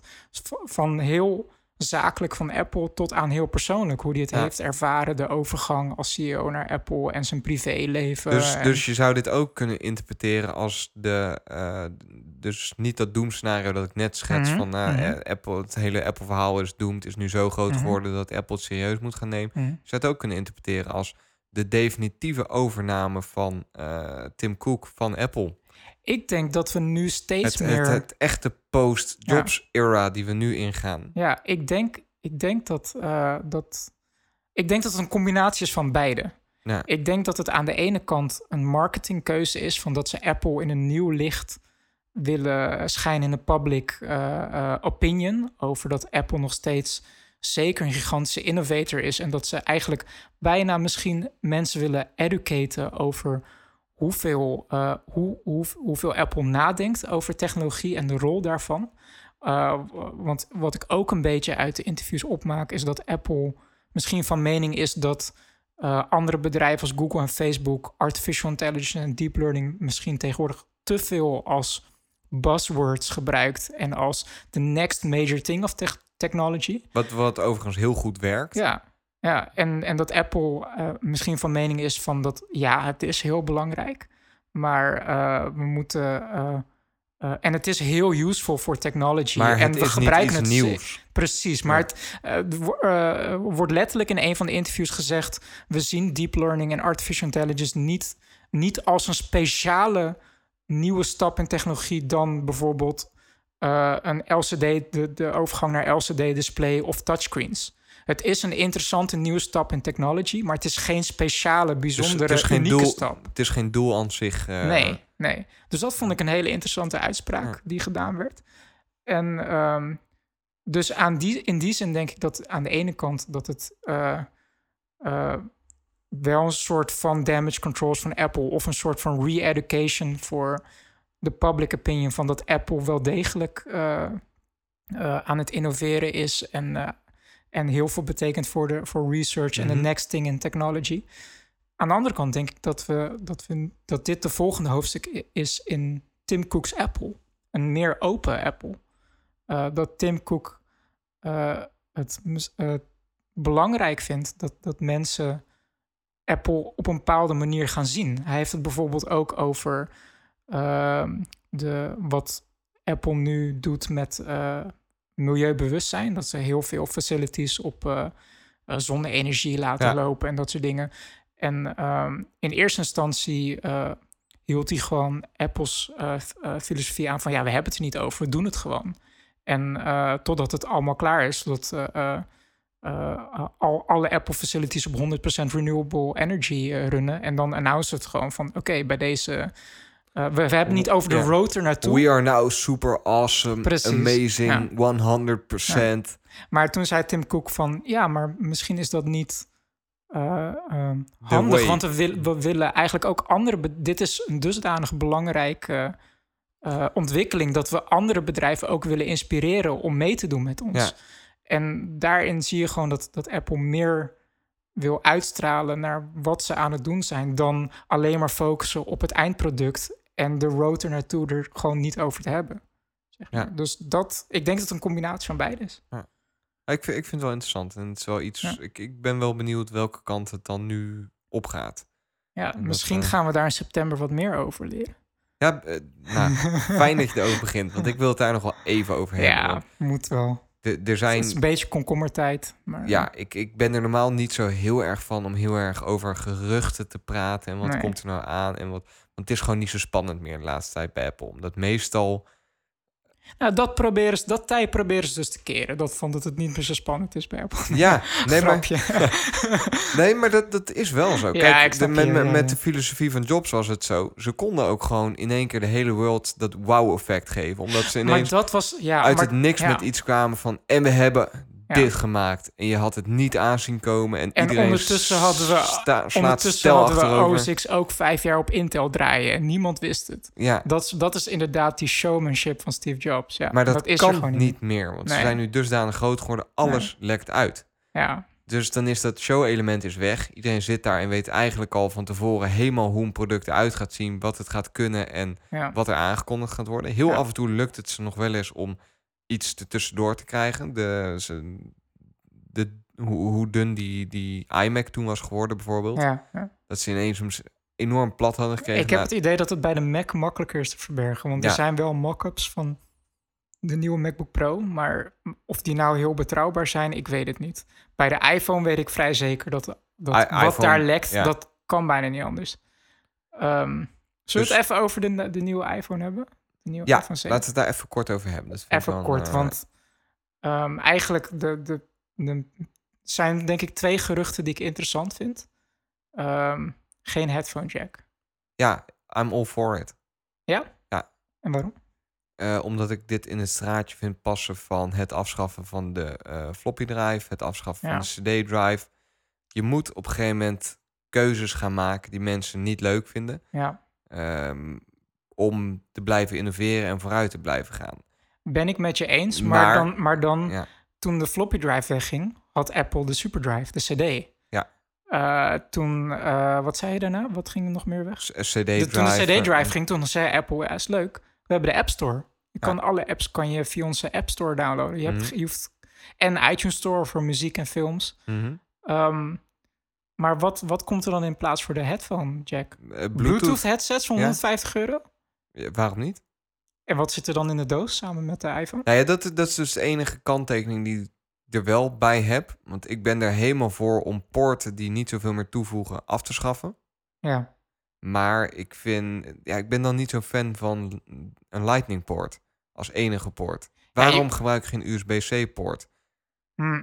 Ja, dat andere merken die hebben dat nu al. USB-C-poorten met eh, audio en... eh, Ik, ja, het, Ja, het kan. En nu stel je mensen... Het, nou, ik vind dat weer zo... ik, ik vind het... Ik ben... kartelvorming-achtig eh Ja. taferelen. Van wij hebben een poort bedacht en iedereen heeft die nu nodig voor zijn koptelefoon. Hm. Waar voorheen dat een helemaal vrije business was. Ja, dat, dat is Omdat aan een, kant een, een, publieke Ja. standaard was. Ja, dat vind ik te kort door de bocht. Dat is Apple. Ja, kijk, het, het, sowieso wordt het lastig als je Lightning headphone jacks krijgt. Dan kan ik mijn, mijn, mijn Lightning earphones, die, Mhm. die misschien bij de iPhone zitten, kan ik niet meer op mijn MacBook aansluiten. Nee, dat klopt. Komen, komen er dan MacBooks En- met een Lightning poort? Dat, dat zie ik echt niet gebeuren. Nee, ik ook niet. Maar het zou voor mij al opgelost zijn. Of dit, dit zou je al wegnemen als je een dongeltje meelevert. Ja, maar dat vind ik zo niet Apple, dat er een dongeltje Ga, bij gaan ze ook sowieso niet doen. Nee, ik zie Als- dat echt niet gebeuren, Als, dat er een als, dongel als ze bij dat doen, Dat vind ik zo'n toegift dan ook weer. Dan presenteer ik de volgende zeepkast in mijn onderbroek. Nou, daar heb ik alleen last van. Dat, dat, dat kan de luisteraar echt niks boeien. Ja, nee, maar dat, eh, dat, dat gaan ze denk ik niet Sterker doen. nog, je zit al in je onderbroek hier. Shh, dit is oké. nee, maar dat, dus dat gaan ze volgens mij ook niet doen. Dus dat, dat vind ik jammer, maar ik ben er wel voor in principe om gewoon te kijken naar, voor altijd kritisch te blijven op je poorten. Ja, wel, dat zeker. Maar ik vind dan bijvoorbeeld, ik vind dan wel dat je wel met een goede, ja, sowieso met een goede reden, maar ook met een goed alternatief moet komen. Ja. En ik vind Bluetooth geen goed alternatief. Ik heb Bluetooth, headset, ik ben er heel blij mee, maar het, het is het net niet, zeg maar. Hij, eh, het Bluetooth hapert wel af en toe. En het is gewoon Ja. niet ideaal en het is duur. Je moet opladen. Je moet het Dus opladen. heb je binnenkort heb je je Apple Watch die iedere nacht aan de laden ligt. Je telefoon die iedere Nou, nacht je aan hebt de laden ligt. wat, je- wat wel heel chic is, is zijn van die eh, ehm, eh, Bluetooth earphones. Eigenlijk net als eh, van, die, van die oorpluggen bijna. ja. En die kan je dan in een soort doosje stoppen, wat eigenlijk een op, lijkt op een soort opbergdoosje voor je earplugs. En die laten hem dan gelijk op via inductie. Dat vind ik wel heel chic. Dat je een soort cradle erbij krijgt, maar het is duur. ja, maar je, je moet er wel weer aan denken. Ja. Dus, ja dat, dat zeker. Maar goed. Daar, daar, Aan de andere kant is het wel heel gaaf als ze naartoe gaan. Want Ja. heb je de film Her gezien? ik, ik, ik heb dat volgens mij zelfs in deze podcast al wel eens verteld. Dat ik dat zo graag wil, inderdaad. Ja, die, ja, eh, precies. ja. Kijk, dat is dan wel weer gaaf. Maar het, Nou ja, we, we denken nu vooral heel erg in, in, eh, in, in obstakels, denk ik. ja, Maar ik ben heel benieuwd hoe ze die obstakels denken op te gaan lossen. Of ze dat Apple überhaupt... moet, het, het wordt interessant hoe Apple het gaat verkopen. Ja, dat. Ja, Wa- wat zit erbij? Zit er Bluetooth koptelefoontje bij? Zit er een Lightning eh, AirPods zit die erbij? Zit er... ik, ik, ik weet Wat, het gewoon niet. wa- Ik heb wat is je voorspelling? idee. Mijn voorspelling is dat ze gewoon Lightning koptelefoontje mee gaan leveren. Lightning AirPods krijg je erbij. Jammer, je kunt het niet op je MacBook gebruiken. Jammer, je kunt je oude koptelefoons niet meer gebruiken. en, je kan je, en je kan je iPhone niet meer opladen terwijl je earphones gebruikt. Dat denk ik. ik, denk dat die, ik denk dat die kans het grootst is. En ik zou dat echt heel jammer vinden. Ja. Ik, ik, zou het, ik, zou het, ik vind het geen oplossing, maar ik denk, ik denk dat dat gaat gebeuren. En wat was je tweede gerucht? Want je zei dat je twee, eh, twee dat dingen... de, ehm, dat de, de Plus variant, laten Ja. we zeggen de iPhone 7 Plus, Ja. dat hij een substantieel andere camera gaat krijgen dan de iPhone 7. Geen fan van. Ik zou dat echt heel jammer vinden. Eh, de, de gerucht is dat de iPhone 7 Plus een dual lens systeem krijgt. Ja. Wat heel veel nieuwe voordelen gaat Diepte krijgen. kan creëren. Ja. Eh, en dat de iPhone 7 gewoon een enkele lens krijgt. Ik zou dat gewoon heel jammer vinden. Ik want ook. Ik, ik, ik ben wel fan van als ik een nieuwe iPhone zou kopen, dat ik dan van alles het nieuwste heb, zeg maar. Maar dan wil ik niet per se de grootste unit hebben. Nee, ja, ben, ben ik helemaal met je eens. Dat ik vind dat je ehm, de nieuwste iPhone moet kunnen aanschaffen in iedere maat die je Ja. wil. Daarom was ik heel erg fan van de iPhone SE. Ja, Dat ik ja. echt dacht van, ja, dat is super vet. Je hebt het laatste eh, model, maar gewoon in de grootte die jij wilt. Je kunt nu kiezen voor een iPhone SE Ja. of voor een iPhone 6S, 6S Plus. Ik zou het echt doodzonde vinden als de 6, eh, de, de, de, de, de, zeven, 7 ja. Plus nu beter gaat worden dan zijn Kijk, het, kleinere het broertjes. was al een beetje zo met de 6 en de 6S. Dat is eh, de 6S en de 6S Plus. Dat de Plus eh, optische stabilisatie had. Dus wanneer je filmt dat het beeld wat, ja, maar wat nee, stabieler is. Maar dat is nog... dat te is, is, is overzien. niet helemaal waar ook, hè? Want de 6 Plus was ook gewoon groter, waardoor ja, je die er meer meer schudt. ruimte. Ja, dus... Dus ja, in, in, in, in ja. de praktijk merkte je geen weinig verschil Hmm. tussen een 6S en een 6S Plus.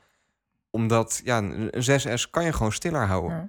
Tijdens het, nou, je, je hebt, ik heb je net een filmpje laten zien die ik gemaakt had. Ja, en dat je zei van, wat, ja, wat ja. heb je dat stilgehouden? Ja, klopt. Dus dat, ja, dat is meer een uitkomst. Dat ze zeggen van ja, hij is groter om je dezelfde performance te geven als die 6S. Dat je niet ineens heel shaky filmpjes hebt. Hebben we iets moeten toevoegen. Maybe, maybe. Een, een van de, eh, Apple doet al een aantal jaren een, een soort campagne, vooral in Amerika met grote banners met shot on iPhone. Ja. Dat ze echt super trots zijn op. Het zijn ook super mooie foto's dat die allemaal gemaakt zijn met de iPhone. Hoe gaan ze dat dan het, het, het aankomende marketingjaar doen? Shot on de iPhone, sterretje en dan kleine letters eronder. Uh, this, this quality can be attained with the plus, ver- only with the plus version. Nee, ik, denk ze- serieus dat ze gewoon alleen een campagne gaat doen. Shot on iPhone eh, 7 Plus. Maar dat is toch crap? Sorry, maar dat is echt crap. Dat is wel wat ze dan zouden doen. Ze gaan, ten, eh, ze gaan sowieso geen campagne voeren met... Want dan brengen ze een nieuwe iPhone uit, de iPhone 7. En in hun marketing erkennen ze dan gelijk al dat het niet de beste telefoon is.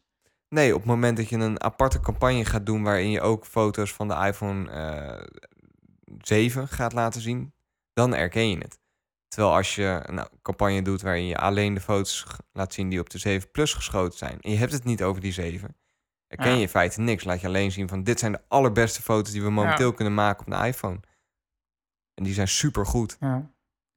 We gaan het zien. Ik ben er nu al geen fan van. Ik ga hem Nee, toch niet kopen aan de Ik ook Oké, Ik heb nog Wat, wat, 6S wat overal? Wat vind je? Want ze zijn een beetje afgestapt van dat eh, tiki-taka. eh, Tiki-taka. ja, TikTok. eh Tiki-taka. Ik vind het echt super mooi. Jip en Janneke gebeuren. Want dit, dit is in feite de, de iPhone 6SS. Het design wordt niet anders. Nee. Ehm, dat vind ik helemaal niet erg. ik, nee. ik vind het wel apart of zo. Ehm, ze, ja, kijk, met de, met de Mac doen ze het ook al heel lang niet meer. Nee, weet ik. Maar Eh, ik, de, de, de Mac-design blijft gewoon veel langer. Kijk, op een gegeven moment, ik, ik vraag me af of dit het ultieme ontwerp is. dat denk nou, Ik, ik, ik, ben denk het dat minst wel... fan van mijn iPhone 6. Ik, ik Ja. vond de, de, de 5 vond ik qua design en functionaliteit, hoe die in de hand lag en zo, vond ik een mooier, meer uitgedacht toestel. Ja. Ehm, ik, ik, ik, ik heb eigenlijk hetzelfde met mijn 6S, dat ik daar het minste mee heb, zeg maar, door het design. Het is nog steeds een super mooi toestel, Ja. maar het is het, het- als, als je de naam Samsung erop had gezet. Nee, maar snap wat Ja. ik bedoel? Het is minder een statement, vind ik. Ja, ja klopt. Ehm, ja, ben ik op zich met je eens. Of dit meer richting de final design gaat. Ik denk het wel. Ja. Ik denk dat het uiteindelijk dat steeds meer naar een soort soapbar vorm gaan. Eigenlijk wat de allereerste iPhone was. Gewoon ronde hoeken. En dat ze steeds meer eh er naartoe gaan dat het glas overgaat naar het aluminium. Dat de home button gaat verdwijnen. Dat het echt gewoon een, een, ja, gewoon een platte soapbar wordt met aan de bovenkant glas en aan de onderkant aluminium. Ja. Ik denk dat het daar wel naartoe gaat. Uh, wat je ook gewoon terugziet uh, uh, in, de, in de Mac. Wat ook gewoon Ja. unibody aluminium is. En dan Goed glas. dat je begint over de Mac, want ik Ja, ben even, even klaar met die iPhone. Dat Ja, hebben we nu zeker. besproken. Macs, want dat wordt wel echt tijd, jongen. Want het is nu... eh, nou, wanneer, ja, er zijn een aantal stilzwijgende updates geweest. waren niet zo spannend. Eh, kloksnelheid van de, van de processor iets omhoog. Eh, ja, dat soort dingetjes. Maar er is al een poosje geen echte overhaul geweest. Of geen echte Nee. nieuwe functionaliteiten. Nee, ja, of gewoon een rethinking van bijvoorbeeld alle legacy poorten eruit en alleen USB-C. Ja. Ja. de MacBook 12 inch alleen. Eh, Maar dat is ook meer een experiment eigenlijk. Dat is niet... We hebben het nu echt over de Macs waar je gewoon lekker keihard Photoshop en Final Cut op Ja. kan, kan draaien. En, En, eh, en op, op zich wel goed om erbij te vermelden, alleen de MacBook Pro's. Hè? Ja. Airs zijn sowieso volgens mij uitlopend. Nou, De- ik, ik weet niet hoe jij erover denkt, maar ik ben er denk ik wel van overtuigd dat de MacBook Air naast hele summiere speedbumps, dat die langzaam uitgefaseerd Ja, gaat zeker worden. weten. Ja. Denk, nou ja, hij voegt niet zoveel meer toe naast de nieuwe MacBook. De Ja, MacBook het, is, het is de goedkoopste Mac. Ja, maar de MacBook zal, denk ik, langzaam in prijs gaan zakken ook. Dat zag Ja. met de Air ook. De Air die was in, bij introductie was die heel Nou, duur. Misschien als we kunnen zeggen van als de MacBook 12 inch de 1100 aanraakt, of misschien laatst 1200 aanraakt, dat dat misschien het moment is dat de MacBook Air eruit gaat. Dat, denk ik wel. Dat ja. denk ik ook. En die, die MacBook, nou, vind ik een wereldapparaat. En daar zie je ze ook echt nog... Daar, daar blijven ze een beetje bij, weet je wel. Dat is Ja. nog steeds top of the bill. Als je dat nu koopt, nou, dan maak je de blitz... en dan heb je echt een apparaat dat... Want dan ben je waarschijnlijk een Ja. portable user. Ja. Dan heb je op dit moment, vind ik, het beste apparaat dat je kunt krijgen. Mhm. Met de MacBook vraag ik me dat momenteel af. Als je kijkt naar hardware die erin zit. Bouwkwaliteit, eh, ja, nog steeds. Altijd op nummer 1. Mhm. ook, ook duurzaamheid zijn ze heel goed in. En ik ben er normaal helemaal niet zo van om heel erg naar specs te gaan kijken. Maar ik denk toch wel dat dingen als een Skylake... die je gewoon Ja. heel veel batterijwinst ook oplevert. Iets waar Apple ook heel erg eh, op zit. Vind ik het wel shocking of shocking. Dan duurt het wel lang voordat die er nu in komt. Ja, en eh, waarom dat zo is, Nou, sna- snap ik dus ook niet zo goed waarom het nu zo lang duurt. En voor mij hoeven... Ja, wij, ik, ik zou het wel leuk vinden als er weer een nieuw designtje komt. Ik vraag me wel af. Nou ja, Johnny Ive is tegenwoordig meer bezig met eh, gigantische UFO's ontwerpen. Ja. En eh, misschien een auto of zo. Ik denk dat Johnny Ive een beetje uitgekeken is op de MacBook design. Ja, nou ja, maar ik, ik denk dat de MacBook ook wel redelijk... We hadden het net over. Ook zijn eindstation wel redelijk bereikt Qua heeft. design, ja, wa- wat, het, het is echt minimalism. Het is gewoon, ja, het heeft wel een iconische status bereikt, denk ik, de Ja. MacBook design. En dus eh, qua nieuw design interesseert mij dat ook minder. Het is meer ehm, wat, er, wat je ervoor krijgt qua hardware, de grafische chip, de processor en de prijs die ze voor vragen, dat is gewoon niet meer goed te praten op dit moment. Nee, dat, dat, dat, is het eigenlijk meer. precies wat ik net probeer te zeggen inderdaad ook. En ik verwacht sowieso een Skylake processor erin, eh, nieuwste videokaarten. Eh, ze, ze moeten weer even, even bijbeen, even Ja. dat sprintje trekken om gewoon weer bovenaan te staan. Ja. En ik vind dat ze vrij lang blijven staan nu op dat punt dat ze niet meer bovenaan staan. Ehm, dat- nou ja, dat- dat is wel la- grappig. misschien even een korte callback naar Star Citizen. Ja, Ehm, kijk, mijn, de MacBook die ik nu heb, die is nu vijf jaar. Die wordt volgend jaar, heb ik hem zes jaar. En hij begint wel wat kuren te vertonen. En ik, ik, ik heb denk ik voor mezelf al wel... soort jij van- gebruikt hem vrij professioneel ook. Nou, hij, is wel, hij wordt flink gebruikt. Laten we daar Ja. op houden. Hij wordt echt flink gebruikt. Ehm, ik heb voor mezelf al, denk ik, besloten van volgend jaar moet er ergens een nieuwe MacBook komen. Dan Ja. is hij wel echt opgebruikt. Ehm, dat wordt wel weer een investering van tussen de 15 2000 euro. Ja. Ehm, maar als, als, als dat niet de latest of de latest processor en graphics eh, is, wat ik, waar ik hem voornamelijk voor gebruik, ehm, dan kan ik dat voor mezelf gewoon niet goed praten. Dan heb ik bijna zoiets van, ik ga een Hackintosh bouwen Ja. en dan kan ik Star Citizen spelen. Ja, Ja, maar dat, dat, een, want, want, want, want met dat geld, en daar was ik vroeger altijd tegen, ja, maar je betaalt voor integratie en het Apple heeft het op, het, op elkaar afgestemd en zo. En daar ben ik nog steeds voor, dat, dat, dat, die argumenten. ja, dat, nee, maar dat, Apple, je hebt een soort Apple tax waar je voor betaalt, daar, heb- daar, daar leg je bij neer.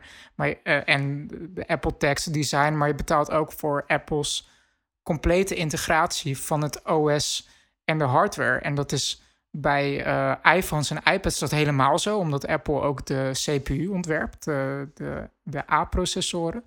Komt trouwens in de, in de interviews ook terug dat bijvoorbeeld de Artificial Intelligence team eh, in contact staat met het chip design team, zodat de chip eh, zich specialiseert op de AI en deep learning technieken die Apple aan het bouwen is. die ze nodig dus- hebben, ja. Dus dat bevestigt helemaal het argument van de integratie binnen Apple. Dat zij Ja. alles in-house doen en dat het alle componenten met elkaar Nee, afgestemd maar ik, zijn. ik, ik Bij snap de wat Mac je... is dat minder. Ik, ik snap wat je wil zeggen, want dat, dat is wat, precies wat ik net ook wou zeggen. Dat ik denk dat de periode eh, waarin je geen MacBook moet aanschaffen omdat die verouderd is, dat die nu heel lang duurt.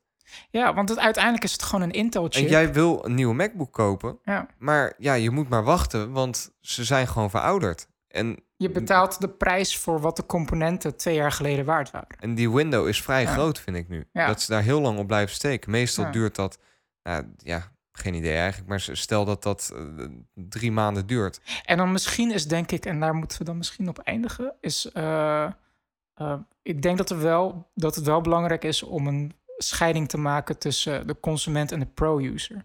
Want ik denk wel dat eh, qua computing power Mhm. op de Mac, die heeft een bepaalde plateau bereikt, dat voor de consument boeit het eigenlijk niet zoveel meer. Eh, alles wat de consument wil doen, Netflix kijken, Facebook, eh, zijn foto's Ben ik bewerken. niet en- helemaal met je eens. Nee? ben wel met je eens dat de huidige MacBooks voor de consumenten, of 99% van Mhm. de consumenten, ruim voldoende zijn. Ja. Maar dan moet die wel goedkoper zijn voor de consument. Mhm. Want het is wel hardware die twee jaar oud is. Ja, en, dat, en, ja, en, de, en de, En, arm, de, eh, de kosten dan- dan zijn er al uit geen- eigenlijk van produceren. Dan, ja, dan vind ik het ja. non-argument om dan te zeggen van ja, nee, maar je hebt het toch niet nodig, die snellere Mac. Dus we kunnen hem wel sneller maken. Maar je hebt het niet nodig. Maar je moet wel betalen. Eens, ja. Dus of je maakt die MacBook goedkoper met de huidige specs, of je upgrade hem. Dat is eigenlijk het ultimatum dat ik nu wil stellen voor Ja. Apple. Tim Cook, hoor je dat? Als je Ja. luistert, Ja. ja, ik ben gewoon... eh, Ik kan me haast niet voorstellen dat er in het najaar geen nieuwe MacBook Pro's komen. heb ik nog één, één vraag voor je. Nu Mhm. we op eh, Apple subject zitten, want we moeten ook niet te lang maken. Nee, want we willen het ook nog over Stranger Things hebben. Ja, super vet. Ik ga eh, volgende maand ga ik naar Amerika. Mhm. Ik wil. En je neemt mee? Weet ik nog niet. Het gaat er meer om wat ik mee terugneem. Ik zit heel erg te twijfelen. Ik ga daarheen en ik word er altijd een beetje hebberig van. Als ik dan zie wat Apple-producten daar kosten en wat ze hier kosten. Ja. Ik wil iets van Apple kopen. Wat moet ik kopen? Een t-shirt. Dat sowieso. Bij de Fifth Avenue Want ik ga naar Silicon Valley ook. Ja, sowieso naar de mothership. Ja, Super vet. daar heb je de concept store. Daar ga ik sowieso. Neem ik voor jou ook een t-shirt mee. Staat on record nu. Shit. Nee, maar ik, eh, ik, ik heb al een beetje zitten nadenken. En ik kan niet iets te duurs kopen. Maar ik wil wel. ehm, Koop ik- een Mac Pro. ja, die zijn niet nieuw. Nee, die is- komt echt uit 2013.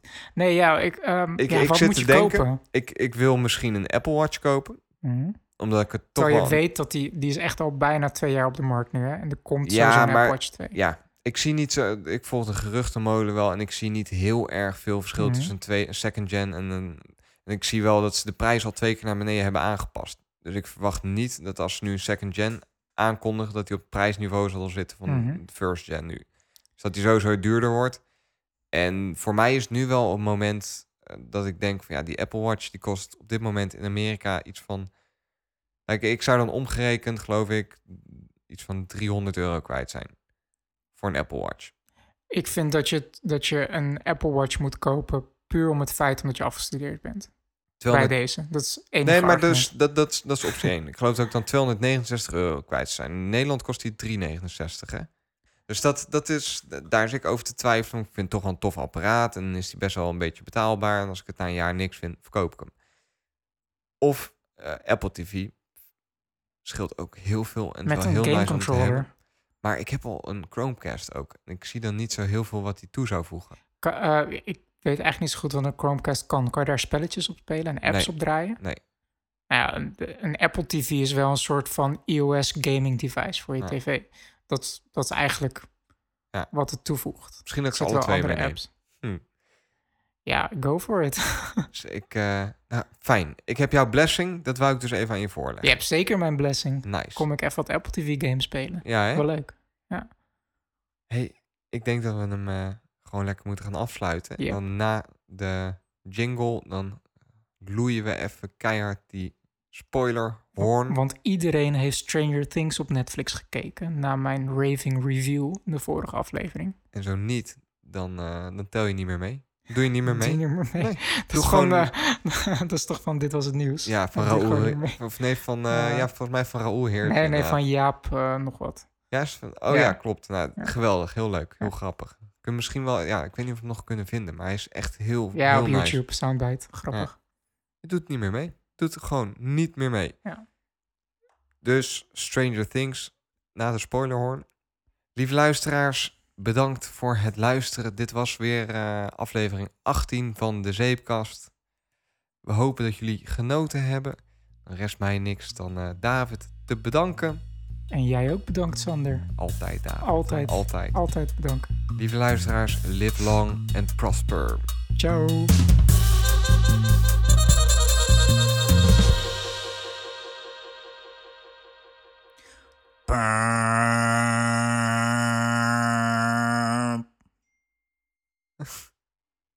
Wat? Dat was jij? Dat was ik. Vet. Cool. Stranger. Stranger Things. Oh mijn god. Super awesome. Je hebt, hem gewoon ge- Oh. je hebt hem gewoon gekeken. Tuurlijk, jij raadde dat aan. Ik heb hem gelijk eh gebingewatcht in, eh, ik geloof, twee dagen, drie dagen. Ik heb hem ook in twee dagen gekeken. En was de hype, was de hype het waard? Ik wist helemaal niet dat er zo'n hype omheen Het is zat. best wel een hype. Ik hoorde dat echt- van jou, die moet je kijken. Dus ik zag hem voorbij komen op Netflix. Ik dacht, oh ja, dat zei David. Ga ik die even Ik kijken. heb ergens gelezen dat Stranger Things nu dus dezelfde kijkersaantallen trekt als Game of Thrones. Dus dat het wel, dat echt, is wel echt bizar. Dat het wel echt een cultural phenomenon is geworden. En ehm, eh, je, je merkt het ook gewoon aan, aan websites als The Verge en Fox en zo. Die hebben het er gewoon constant over. Die posten eh, eh, artikelen als... vond je de muziek van Stranger Things ook zo tof? Dit zijn, dit zijn tien tracks in dezelfde stijl. Dat soort artikels. Kom, het komt echt achter De- de- elkaar. de- Er zit een hele cultuur achter. Ja, nu, of, eh. eh, Vox die heeft eh, een filmpje gepost wat over de typografie van, eh, van Stranger Things gaat, van de openingtitel. ja, we hebben ze gelezen. mensen- Dat is hetzelfde geloof ik als Stephen King boeken. Nou, het is geïnspireerd op, op de covers van Stephen King boeken, inderdaad. Ja. Dus ja, ik, super cool. Het, het is gewoon een soort van de, weer de herleving van die 80s sci-fi, Steven Spielberg, Stephen Ik, King. ik heb wel na het kijken van Stranger Things wil ik echt, echt een keer Dungeons and Dragons spelen, man. Ik had precies ik weet dat het super nerdy is, maar ik vond het zo vet. Hoe cares? We zijn ook gewoon nerds, ja, dat weet je. enorm. Dus Ja. dat gaan we een keertje doen. Ik, had, ik, ik ging al een beetje googlen van, want waar begin je? Want uh, Dungeons van die- Dragons van die heeft zo'n gameboeken, lange, hè? ja, heeft zo'n lange geschiedenis. En dan moet je inderdaad gaan duiken, want het is echt gewoon een, een wereld, zeg maar. Met uh, ja, dat, dat zag je ook je heel goed, eh, heel goed in de serie natuurlijk. Dat hij een, een campaign opzette echt. ja, ja, Dat, dat hij daar heel lang mee bezig was en dat ze dat dan met echt... de Dungeon Master. ja. Maar ik vond het zo gaaf. Ik vond sowieso de, eh, het parallel, dat zei ik ook al die vorige aflevering, het parallel zo cool tussen het feit dat ze Dungeons and Dragons speelden en het echte avontuur. En je zag constant Ja. die parallellen, dat ze eigenlijk in de real world nog steeds het gevoel hadden dat ze een game aan het spelen waren. Nou, en bijna. ik, ik vond het ook zo, zo vet hoe ze alle... hoe ze hun eigen realiteit creëerden, zeg Ja. maar. Ook door... eh, hoe, heet, hoe heet die weg? Eh, Mordor Road? Nee, ehm, Ehm, ja, ik, ik heb hem nu wel een, een tijdje geleden gezien, dus eh, het, voor mij is het minder vers dan voor jou. ja, ik zit even te denken, hoe heet die weg nou? Ja, de, de- in, ik snap wat je bedoelt. Het was een een of ander eh, eh, modderweggetje of zo, waar... eh, Iedereen kende dat onder een andere naam. En Ja. zij noemde dat de... Ik ga het even opzoeken, want dat vind ik wel even... Mirkwood. Mirkwood. En dat komt uit Lord of the Rings. Ja, ja, ja. Oh, wat super vet. Cool. Ja, het was gewoon... sowieso vond ik... ehm, Maar dat, wat, wat ik heel vet vond, dat kwam dus ook later weer terug. Want zij noemde dat Mirkwood. Op een gegeven moment zag je dat die eh, detective... eh, Mhm. Ik ben heel slecht met naam. Ja. Dat hij dat hij het ook Mirkwood ging noemen. En dat, ja, dat ja, soort dingen vond ik zo vet. Hoe zij heel hun... Ja, hoe ze echt bij, ook, ook hun normen en waarden inderdaad Ja. ontleenden aan, eh, aan dat spel. en hoe zij helemaal in die fantasiewereld, hoe ze dat projecteerden op de echte wereld. Ja, En dat, ja. Er waren heel veel, heel veel, op heel veel manieren deden ze dat. In series en films is er altijd heel veel kritiek op kindacteurs. Hoe vond je dit groepje kids? Ja, perfect gecast. Echt geweldig. Allemaal stuk voor stuk. Ja, maar ik had wel echt, echt een, een zwak voor L. El, oh ja, ja. Zij deed het zo goed. Ja. El was het tele telekinetisch eh, meisje. Friends always tell the truth. Ja, ja. Ja, Dat, dat vond ik echt heel nice. En ik vond wel... eh, Ja, ik vond het ook wel vertederend af en toe. Die, die, die, die vriendschap en die, die, die band die ze hadden. En dat vond Ja. ik heel mooi Ja. om te zien. Dat ik Ja. echt dacht van... Oh, dat wou dit- ik dit- ook dit- toen ik klein was. Ja, dit, dit, dit, dit, dit is wel... Het, romantiseerde misschien ook wel een beetje dat, dat tijdperk voordat iedereen een mobieltje had. En voordat... En dat, ah, dat klinkt echt als een oude lul, maar het zag er wel mooi uit. Dat ze echt...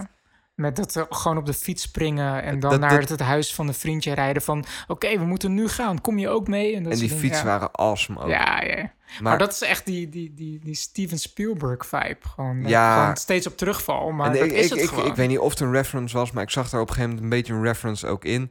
Dat ze eh El hadden verkleed als meisje. Ja, eh, en dan E.T.. op, op die fiets. En E.T.. E.T. Ik zag hem Oh, gelijk ook. Exact, E.T., ja. ja. Maar ik had op IMDb gekeken, daar stond hij nog niet. Maar volgens mij was het een E.T.-reference. Ik denk dat eh, sowieso zat die serie best wel veel met, met references. ja, heel veel eh, Stephen King references. heel ook, veel- eh. Gewoon dat... dat heel veel boeken die je ziet lezen. Het zijn Ja. constant Stephen King boeken. En, Nou ja, de, de grootste Stephen King nod eigenlijk vond ik ehm, wat het dat, dat de story uiteindelijk een supernatural story was met een, met Ja. een monster die uit een andere dimensie komt. ja. En ik, Toch? ik vond dat verhaal niet eens zo heel goed. Maar de sfeer die de serie Precies. neerzet, die is zo... Ik, ik, ik wou een van die jochies zijn, jongen. Ik vond dat ze met, met elkaar praten via die walkie-talkies. Ja, ja, En gewoon, gewoon zo... Ook, ook als, je, als je ruzie hebt, ze hebben gewoon een regel in die vriendengroep. You push first, dus jij moet een hand geven. Ja, ja, ja. en ik dacht echt van, ja, ze hebben hier net alle wereldproblemen opgelost. Ja. Gewoon een afspraak. Als jij degene bent die begonnen bent, dan geef je een hand. Ja. En zo regel je dat. Ja, ja. Geen moeilijk gedoe. Nee. Maar dat zou toch mooi zijn als dat in de echte wereld ook zo werkt. Als, ja gewoon, zeker. als volwassenen ruzie hebben, dat ze gewoon een beetje normaal kunnen doen. En gewoon dingen in perspectief kunnen zien. En zeggen van ja, sorry, ik ben begonnen, ik geef je een hand en het is nu klaar. Absoluut. En het maakt niet eens uit wat er gebeurd is. En dat, dat vond ik, dat, dat soort dingen, dat, dat vond ik heel mooi daaraan. En, Ehm, ik, ehm, hoe, hoe vond je Winona Ryder? eh, verrassend Dat is wel. de Ik- moeder van, eh, eh, Ja, weet van ik, ja. Ik, ik vond haar Oh. wel heel goed, heel goed die... Ja, ja ik, ik kan me dat niet helemaal voorstellen, maar ik kan me er wel een voorstelling bij maken. Dat is raar, maar god, ik heb geen kinderen of niks, wel. Winona Maar, Ryder is echt, echt de, de, ook wel een soort van 80s, begin 90s actrice, zeg maar. De, eh, dus, en ehm, ja, ze is wel een soort van padje afgegaan met eh, eh, shoplifting en dat soort dingen. En ik vond dit gewoon een soort van comeback voor haar. Ik was gewoon oprecht blij om haar te zien in deze rol. En dat ze het ook echt gewoon super goed deed. Ik, Ja. werd er gewoon, ik merkte gewoon bij mezelf dat ik daar gelukkig van werd. en zij was want eigenlijk gewoon- de enige bekende actrice die erin zat, hè? Ja, ja, ja, zij was wel echt een van de grootste namen eigenlijk. Ja, zij was ook bij de, bij de Ja. credits de eerste die je Ja. zag altijd. Maar daarom was ik ook zo, vond ik dat zo fijn of zo. Want Ja. eh, eh, ja, dus ze heeft wel ja, tur- turbulent leven of zo, kan ik wel zeggen. En ehm, ja, ze, ze speelt dan een, een verstrooide moeder die, die ervan overtuigd is dat haar zoon tegen haar praat vanuit een andere dimensie, als het ware. En dat haar zoon nog niet dood is en dat, ze, dat, haar, eh, dat zij tegen haar praat via de lampen en zo. En ja, ze wordt gewoon bijna als dorpsgek eh, verklaard. Maar ze deed het zo goed. En ze, ze, ze, ze, ik vond dat ze heel goed die moederliefde vertaalde of zo. En dat ze niet. eh, het, het enige wat ik wel even... Ik, ik haat haar op een gegeven moment ook wel, hoor. Hoezo? op het moment dat zij de oudere zoon liet weglopen... toen hij de begrafenis van zijn jongere broertje wou regelen... dat ze gewoon wegliep. Nou ja, dat was een, een soort van ruzie die ze kregen. Omdat, de, zeg maar, de, de oudere broer van Will, die, on- die ontvoerd is... eh, eh, dat hij gewoon nog heel rationeel dacht, logisch. Over van, ja, eh, de kans dat we Will nog vinden... de- Oh, nee, het lichaam was gevonden. Ja, ja d- oké, nu is het gewoon einde verhaal. Het lichaam is gevonden, dus dat is het bewijs dat we niet verder hoeven te zoeken. En eh, de moeder, eh, Winona Ryder's karakter, die, die had zich daar niet bij neergelegd, omdat ze er echt van overtuigd was dat Will er nog was. En eh, vanuit een ander, eh, op, een, op een alternatieve wijze eigenlijk eh, contact met haar zocht. En op zich, ja, dat is gewoon heel frustrerend dat, dat niemand je gelooft. En, dat, en eh, zij snapt zelf ook dat wat zij zegt eigenlijk niet te verklaren Kijk, is en en- heel en gek klinkt. Daar zit voor mij de crux. Ja. Dat, om, ook omdat ze dat gezegd heeft. Van ja, Ja. ik snap dat het nergens naar klinkt. Ja. Dan moet je ook het begrip hebben dat je andere zoon dat niet inziet. Ja, maar het is ook het, het En die ga je dat toch niet emotie- weg laten lopen? Ja, Waar ben je nou mee bezig, Winona, dacht ik. Waar ben je nou mee bezig, Winona? Loop eens even terug. Dat kan toch niet?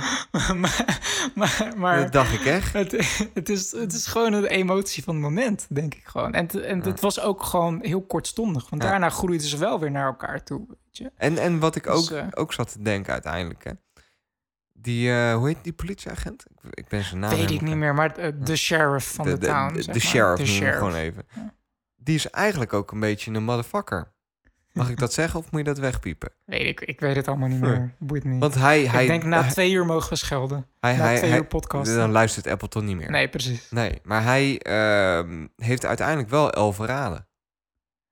Ehm, Zij zitten in die gymzaal te wachten. Zij zitten in die gymzaal te Ja. wachten. Terwijl hij met Winona ja, gaat hij... Lekkere naam uit te spreken. ja, Hij gaat met Winona gaat hij naar eh, die facility. Weet je wel? eh, ga- gaan ze op zoek naar de portal. ja. Eh, en dan komen Wat ze ik aan. echt een hele domme actie vond. Ja, ik gewoon ook. even, we gaan gewoon even via de Maar hij was er eerder geweest en toen was het ook niet gelukt. Nee, Dus ja. het moet nu vast lukken. Ja. Maar goed, ze gingen dus weer naar binnen en ze werden inderdaad gelijk gepakt. Ze waren, niet eens, ja, ze waren door het hek en ze werden gelijk gepakt. Toen werden ze verhoord. En toen heeft hij de locatie verteld onder de belofte dat die andere kinderen niks gedaan zou worden. En dat ze, eh, dat ze dit uiteindelijk onder het tapijt zouden vegen, zeg maar. Hij had hun de garantie Weet je gegeven. dat ik dat niet meer kan herinneren? Of dat was de deal dat ze de portal in mochten of zo. Ja, hij, hij had hun Oh, de ja. garantie gegeven van Ja. goed, als wij die, ik heb een aantal eisen, als wij die portal in mogen, omdat de, main character, I don't Ja. namen, om, om dat jochie te zoeken. En als, eh, als, als jij garandeert dat de andere kinderen allemaal veilig zijn, dan zeg ik waar L is. Dan mogen jullie daarheen, mag je L meenemen. En dan zeg ik nooit iets hierover tegen wie dan ook. Dan is het voor jullie goed, is het voor ons goed. Dat Het was de staat deal. me vaag bij. Het heeft geen indruk op me achtergelaten. Maar als je het me zo vertelt, is dat wel een beetje nep, inderdaad. En dat, Ja. toen, toen, even, toen dacht ik eerst dan van nee, hij bluft, want hij is een good guy en hij gaat gewoon de verkeerde locatie opgeven of hij gaat. Nou ja, misschien als ik er nu over nadenk, misschien is het toch, laat het toch weer een soort van de zwakte zien van. Als je een script schrijft, dan moet je een soort van de story moet je voort laten gaan. En je moet, Ja. je moet, de, Nou ja, ik, ik je snap- moet de, de, de, de heroes moet je bij die portal krijgen. Ja. Ehm, ja, hoe doe je dat? Uiteindelijk Ik- eh, ik snapte deden uiteindelijk- de characters heel dom gewoon door de voordeur te, te gaan en ze werden gepakt. Ja, en wat voor deals kan je dan sluiten, zeg maar? Dus het Nee, is een, ik- beetje ik snapte- lazy, lazy storywriting. Nee, want ik snapte uiteindelijk ook wel waar hij vandaan kwam. Je, je Ja. kende zijn verleden een beetje. Ja. Hij heeft zijn dochtertje verloren en Ja. hij projecteert dat heel erg op Winona. Ja, ja, Ja. precies. Dat, dat, dat zij ook op punt sta- staat om haar, eh, haar kind te verliezen. En hij zal alles in werking stellen om dat niet te laten gebeuren.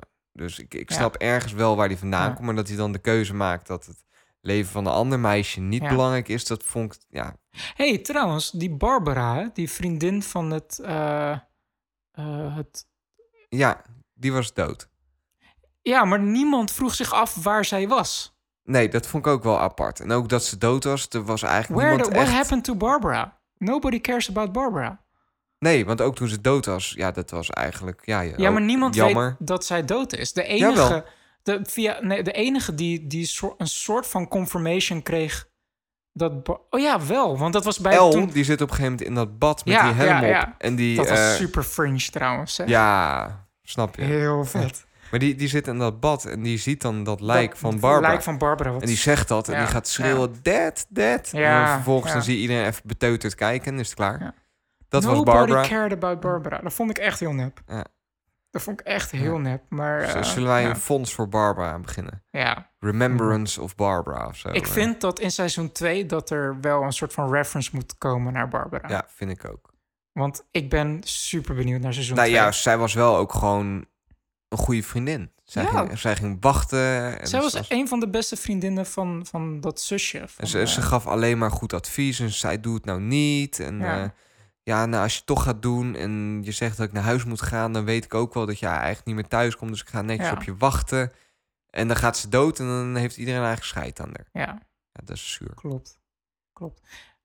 Wat, wat, want wat hoop je van seizoen 2? Want dat er een seizoen 2 gaat komen, dat is haast zeker. Het is, O- dit is open einde. Dit is, een, dit is een gigantische eh, succes voor Netflix, deze Ja. show. Ehm, en de Duffel Brothers, de makers van Stranger Things, die hebben al gezegd dat ze ook al nagedacht hebben over seizoen 2. Ik ben heel benieuwd wat ze gaan doen. Want Ja. aan de ene kant vind ik dit het type show dat ze. Ik, ik vind waar, waar Stranger Things goed in is, is de sfeer neerzetten. Ja. Een bepaalde sci-fi thriller vibes uit, uit de 80s.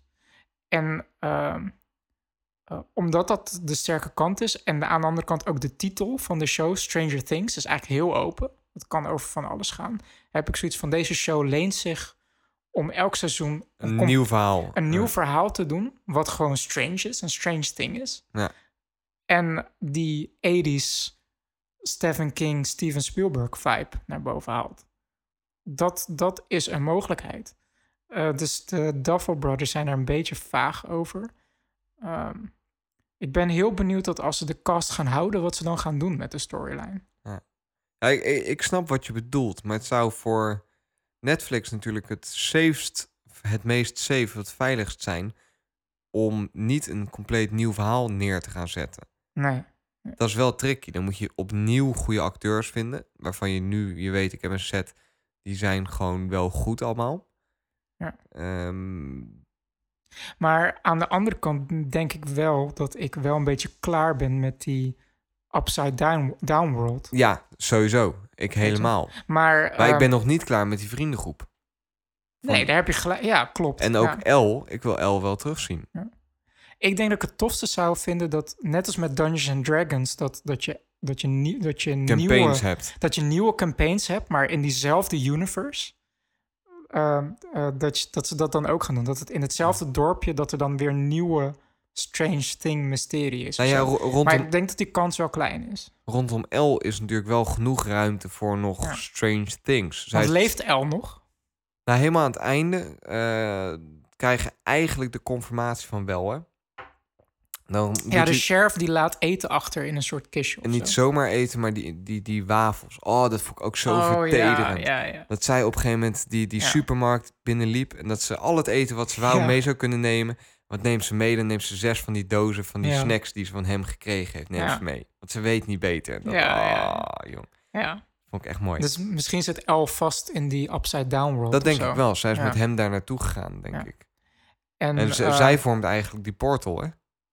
Ja, ja Zij zij, gebruikt, zij gebruikt haar reizen. powers om dat monster eh, terug naar die upside down world te Ja, brengen. maar zij is ook degene die ertussen kan oversteken. ja, Zo luisterde zij ook mensen af. Door gewoon aan de andere kant te gaan staan. ja, klopt. Ja. En ehm, speculation time. Will, die is natuurlijk gered uit de, de upside down world. Ja, Is hij evil geworden? ja. Denk je dat? Ja. Dus dan wordt seizoen 2 de battle voor zijn ziel of zo. Zoiets. Maar op een gegeven moment dan Want komt... dat was wel creepy, man. Dat hij dat, dat dat, hij beest dat uit beest zijn- uit zijn mond spuugt. En de manier waarop hij dat doet, dat hij wegloopt... Alsof dat hij het heel, heel bewust is. wegloopt. Ja, dat ja. hij dat ding even uitkotst en dat hij weer terugloopt en zegt dat er niks aan de hand is. Het suggereert wel dat hij in ieder geval ervan op de hoogte is dat er iets niet goed zit. En ervoor kiest om dat niet... eh, Misschien hebben ze het lichaam teruggehaald. Maar is het niet compleet Will die ze terug Nou, hij is infested. Je zag Ja. op een gegeven moment ook zo'n half opengebroken ei, hè? In de Upside Down World Oh, zag je ja, een half ja. opengebroken ei. Ja. En dat was van dat beest. En ik denk dat ze daarmee suggereerden dat er een tweede beest is. En die moest Ja. in hem hatchen of zo. In hem uitgebroed worden. Gross. Dus dat... eh, Ja, ik ben heel benieuwd naar seizoen 2. Ja. Netflix better gets on it. jaar wachten. Ja. Kun je het aan? Oh ja, vast. Vliegt zo voorbij. Ja. Gaan we nu door met Narcos.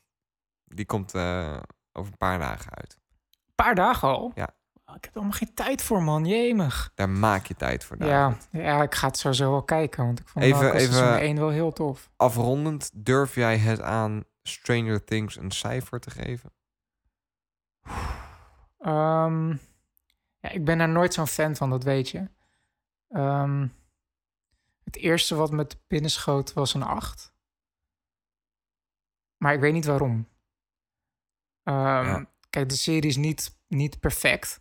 Ik, ik vind dat, eh, denk ik, uiteindelijk de zwakste punt van de show toch wel het script is. In de zin van. eh, ehm, Het is het niet is- een heel sterk verhaal. het verhaal. het- nee, het, het verhaal is niet nieuw. Maar dat zijn En- Ste- Stephen King boeken ook nooit. Nee. Nou. Kijk, ik vind dat Stephen King soms wel leuke twists Ja, doet. de- Mist. Stephen Die King heb ik, ja, maar die heb ik niet gezien of Ja. gelezen. Ehm, maar het, wat ik meer bedoel met het script is dat het is vrij voorspelbaar allemaal. Ja. Het is niet van dat, dat, dat elk moment dat je zoiets hebt van... oh, wauw, die zag ik niet aankomen. Ja. Maar de andere punten, de, de acteurs en de sfeer en de muziek... die zijn zo goed dat, dat, dat het script eigenlijk een soort van backseat krijgt. Ja. Dat het niet om het mysterie gaat. Nee, helemaal niet. Ben, ben ik helemaal met je eens. Maar ik zou hem daardoor zelfs hoger geven. Ja. Ik denk dan vanuit het standpunt... Ik geef een cijfer eh, op basis van hoe leuk ik het vond om te kijken. Ehm, en ik probeer dat dan ook niet te pretentieus te doen, want ik ben geen reviewer en ik ben er ook niet zo van van per aflevering en dan Ja. kritiekpunten gaan uit. En als ik gewoon zou moeten kijken van oké, hoe leuk heb ik deze er- serie nou ervaren na de eerste aflevering en hoeveel plezier heb ik eraan beleefd, zou ik hem zeker een 8,5 geven. Ja, een half punt hoger dan mij. Ja. ja. Ja, eens. Ja, cool. Tof. David, bedankt voor deze lange podcast. Op naar de volgende awesome En daar voorbij. en eh, Ja. nieuwe zeepkast Lieve luisteraars, als je nu nog luistert, Ben je echt een bedankt. held. Dan ben je een held. Moeten weer een nieuwe secret word eh, bedenken voor de echte fans. Ja, voor de echte fans, die moeten zeggen... eh, pineapple papaya pie. Niet te vergeten de laatste paai. Oké. Hey, later. Ciao. Ciao.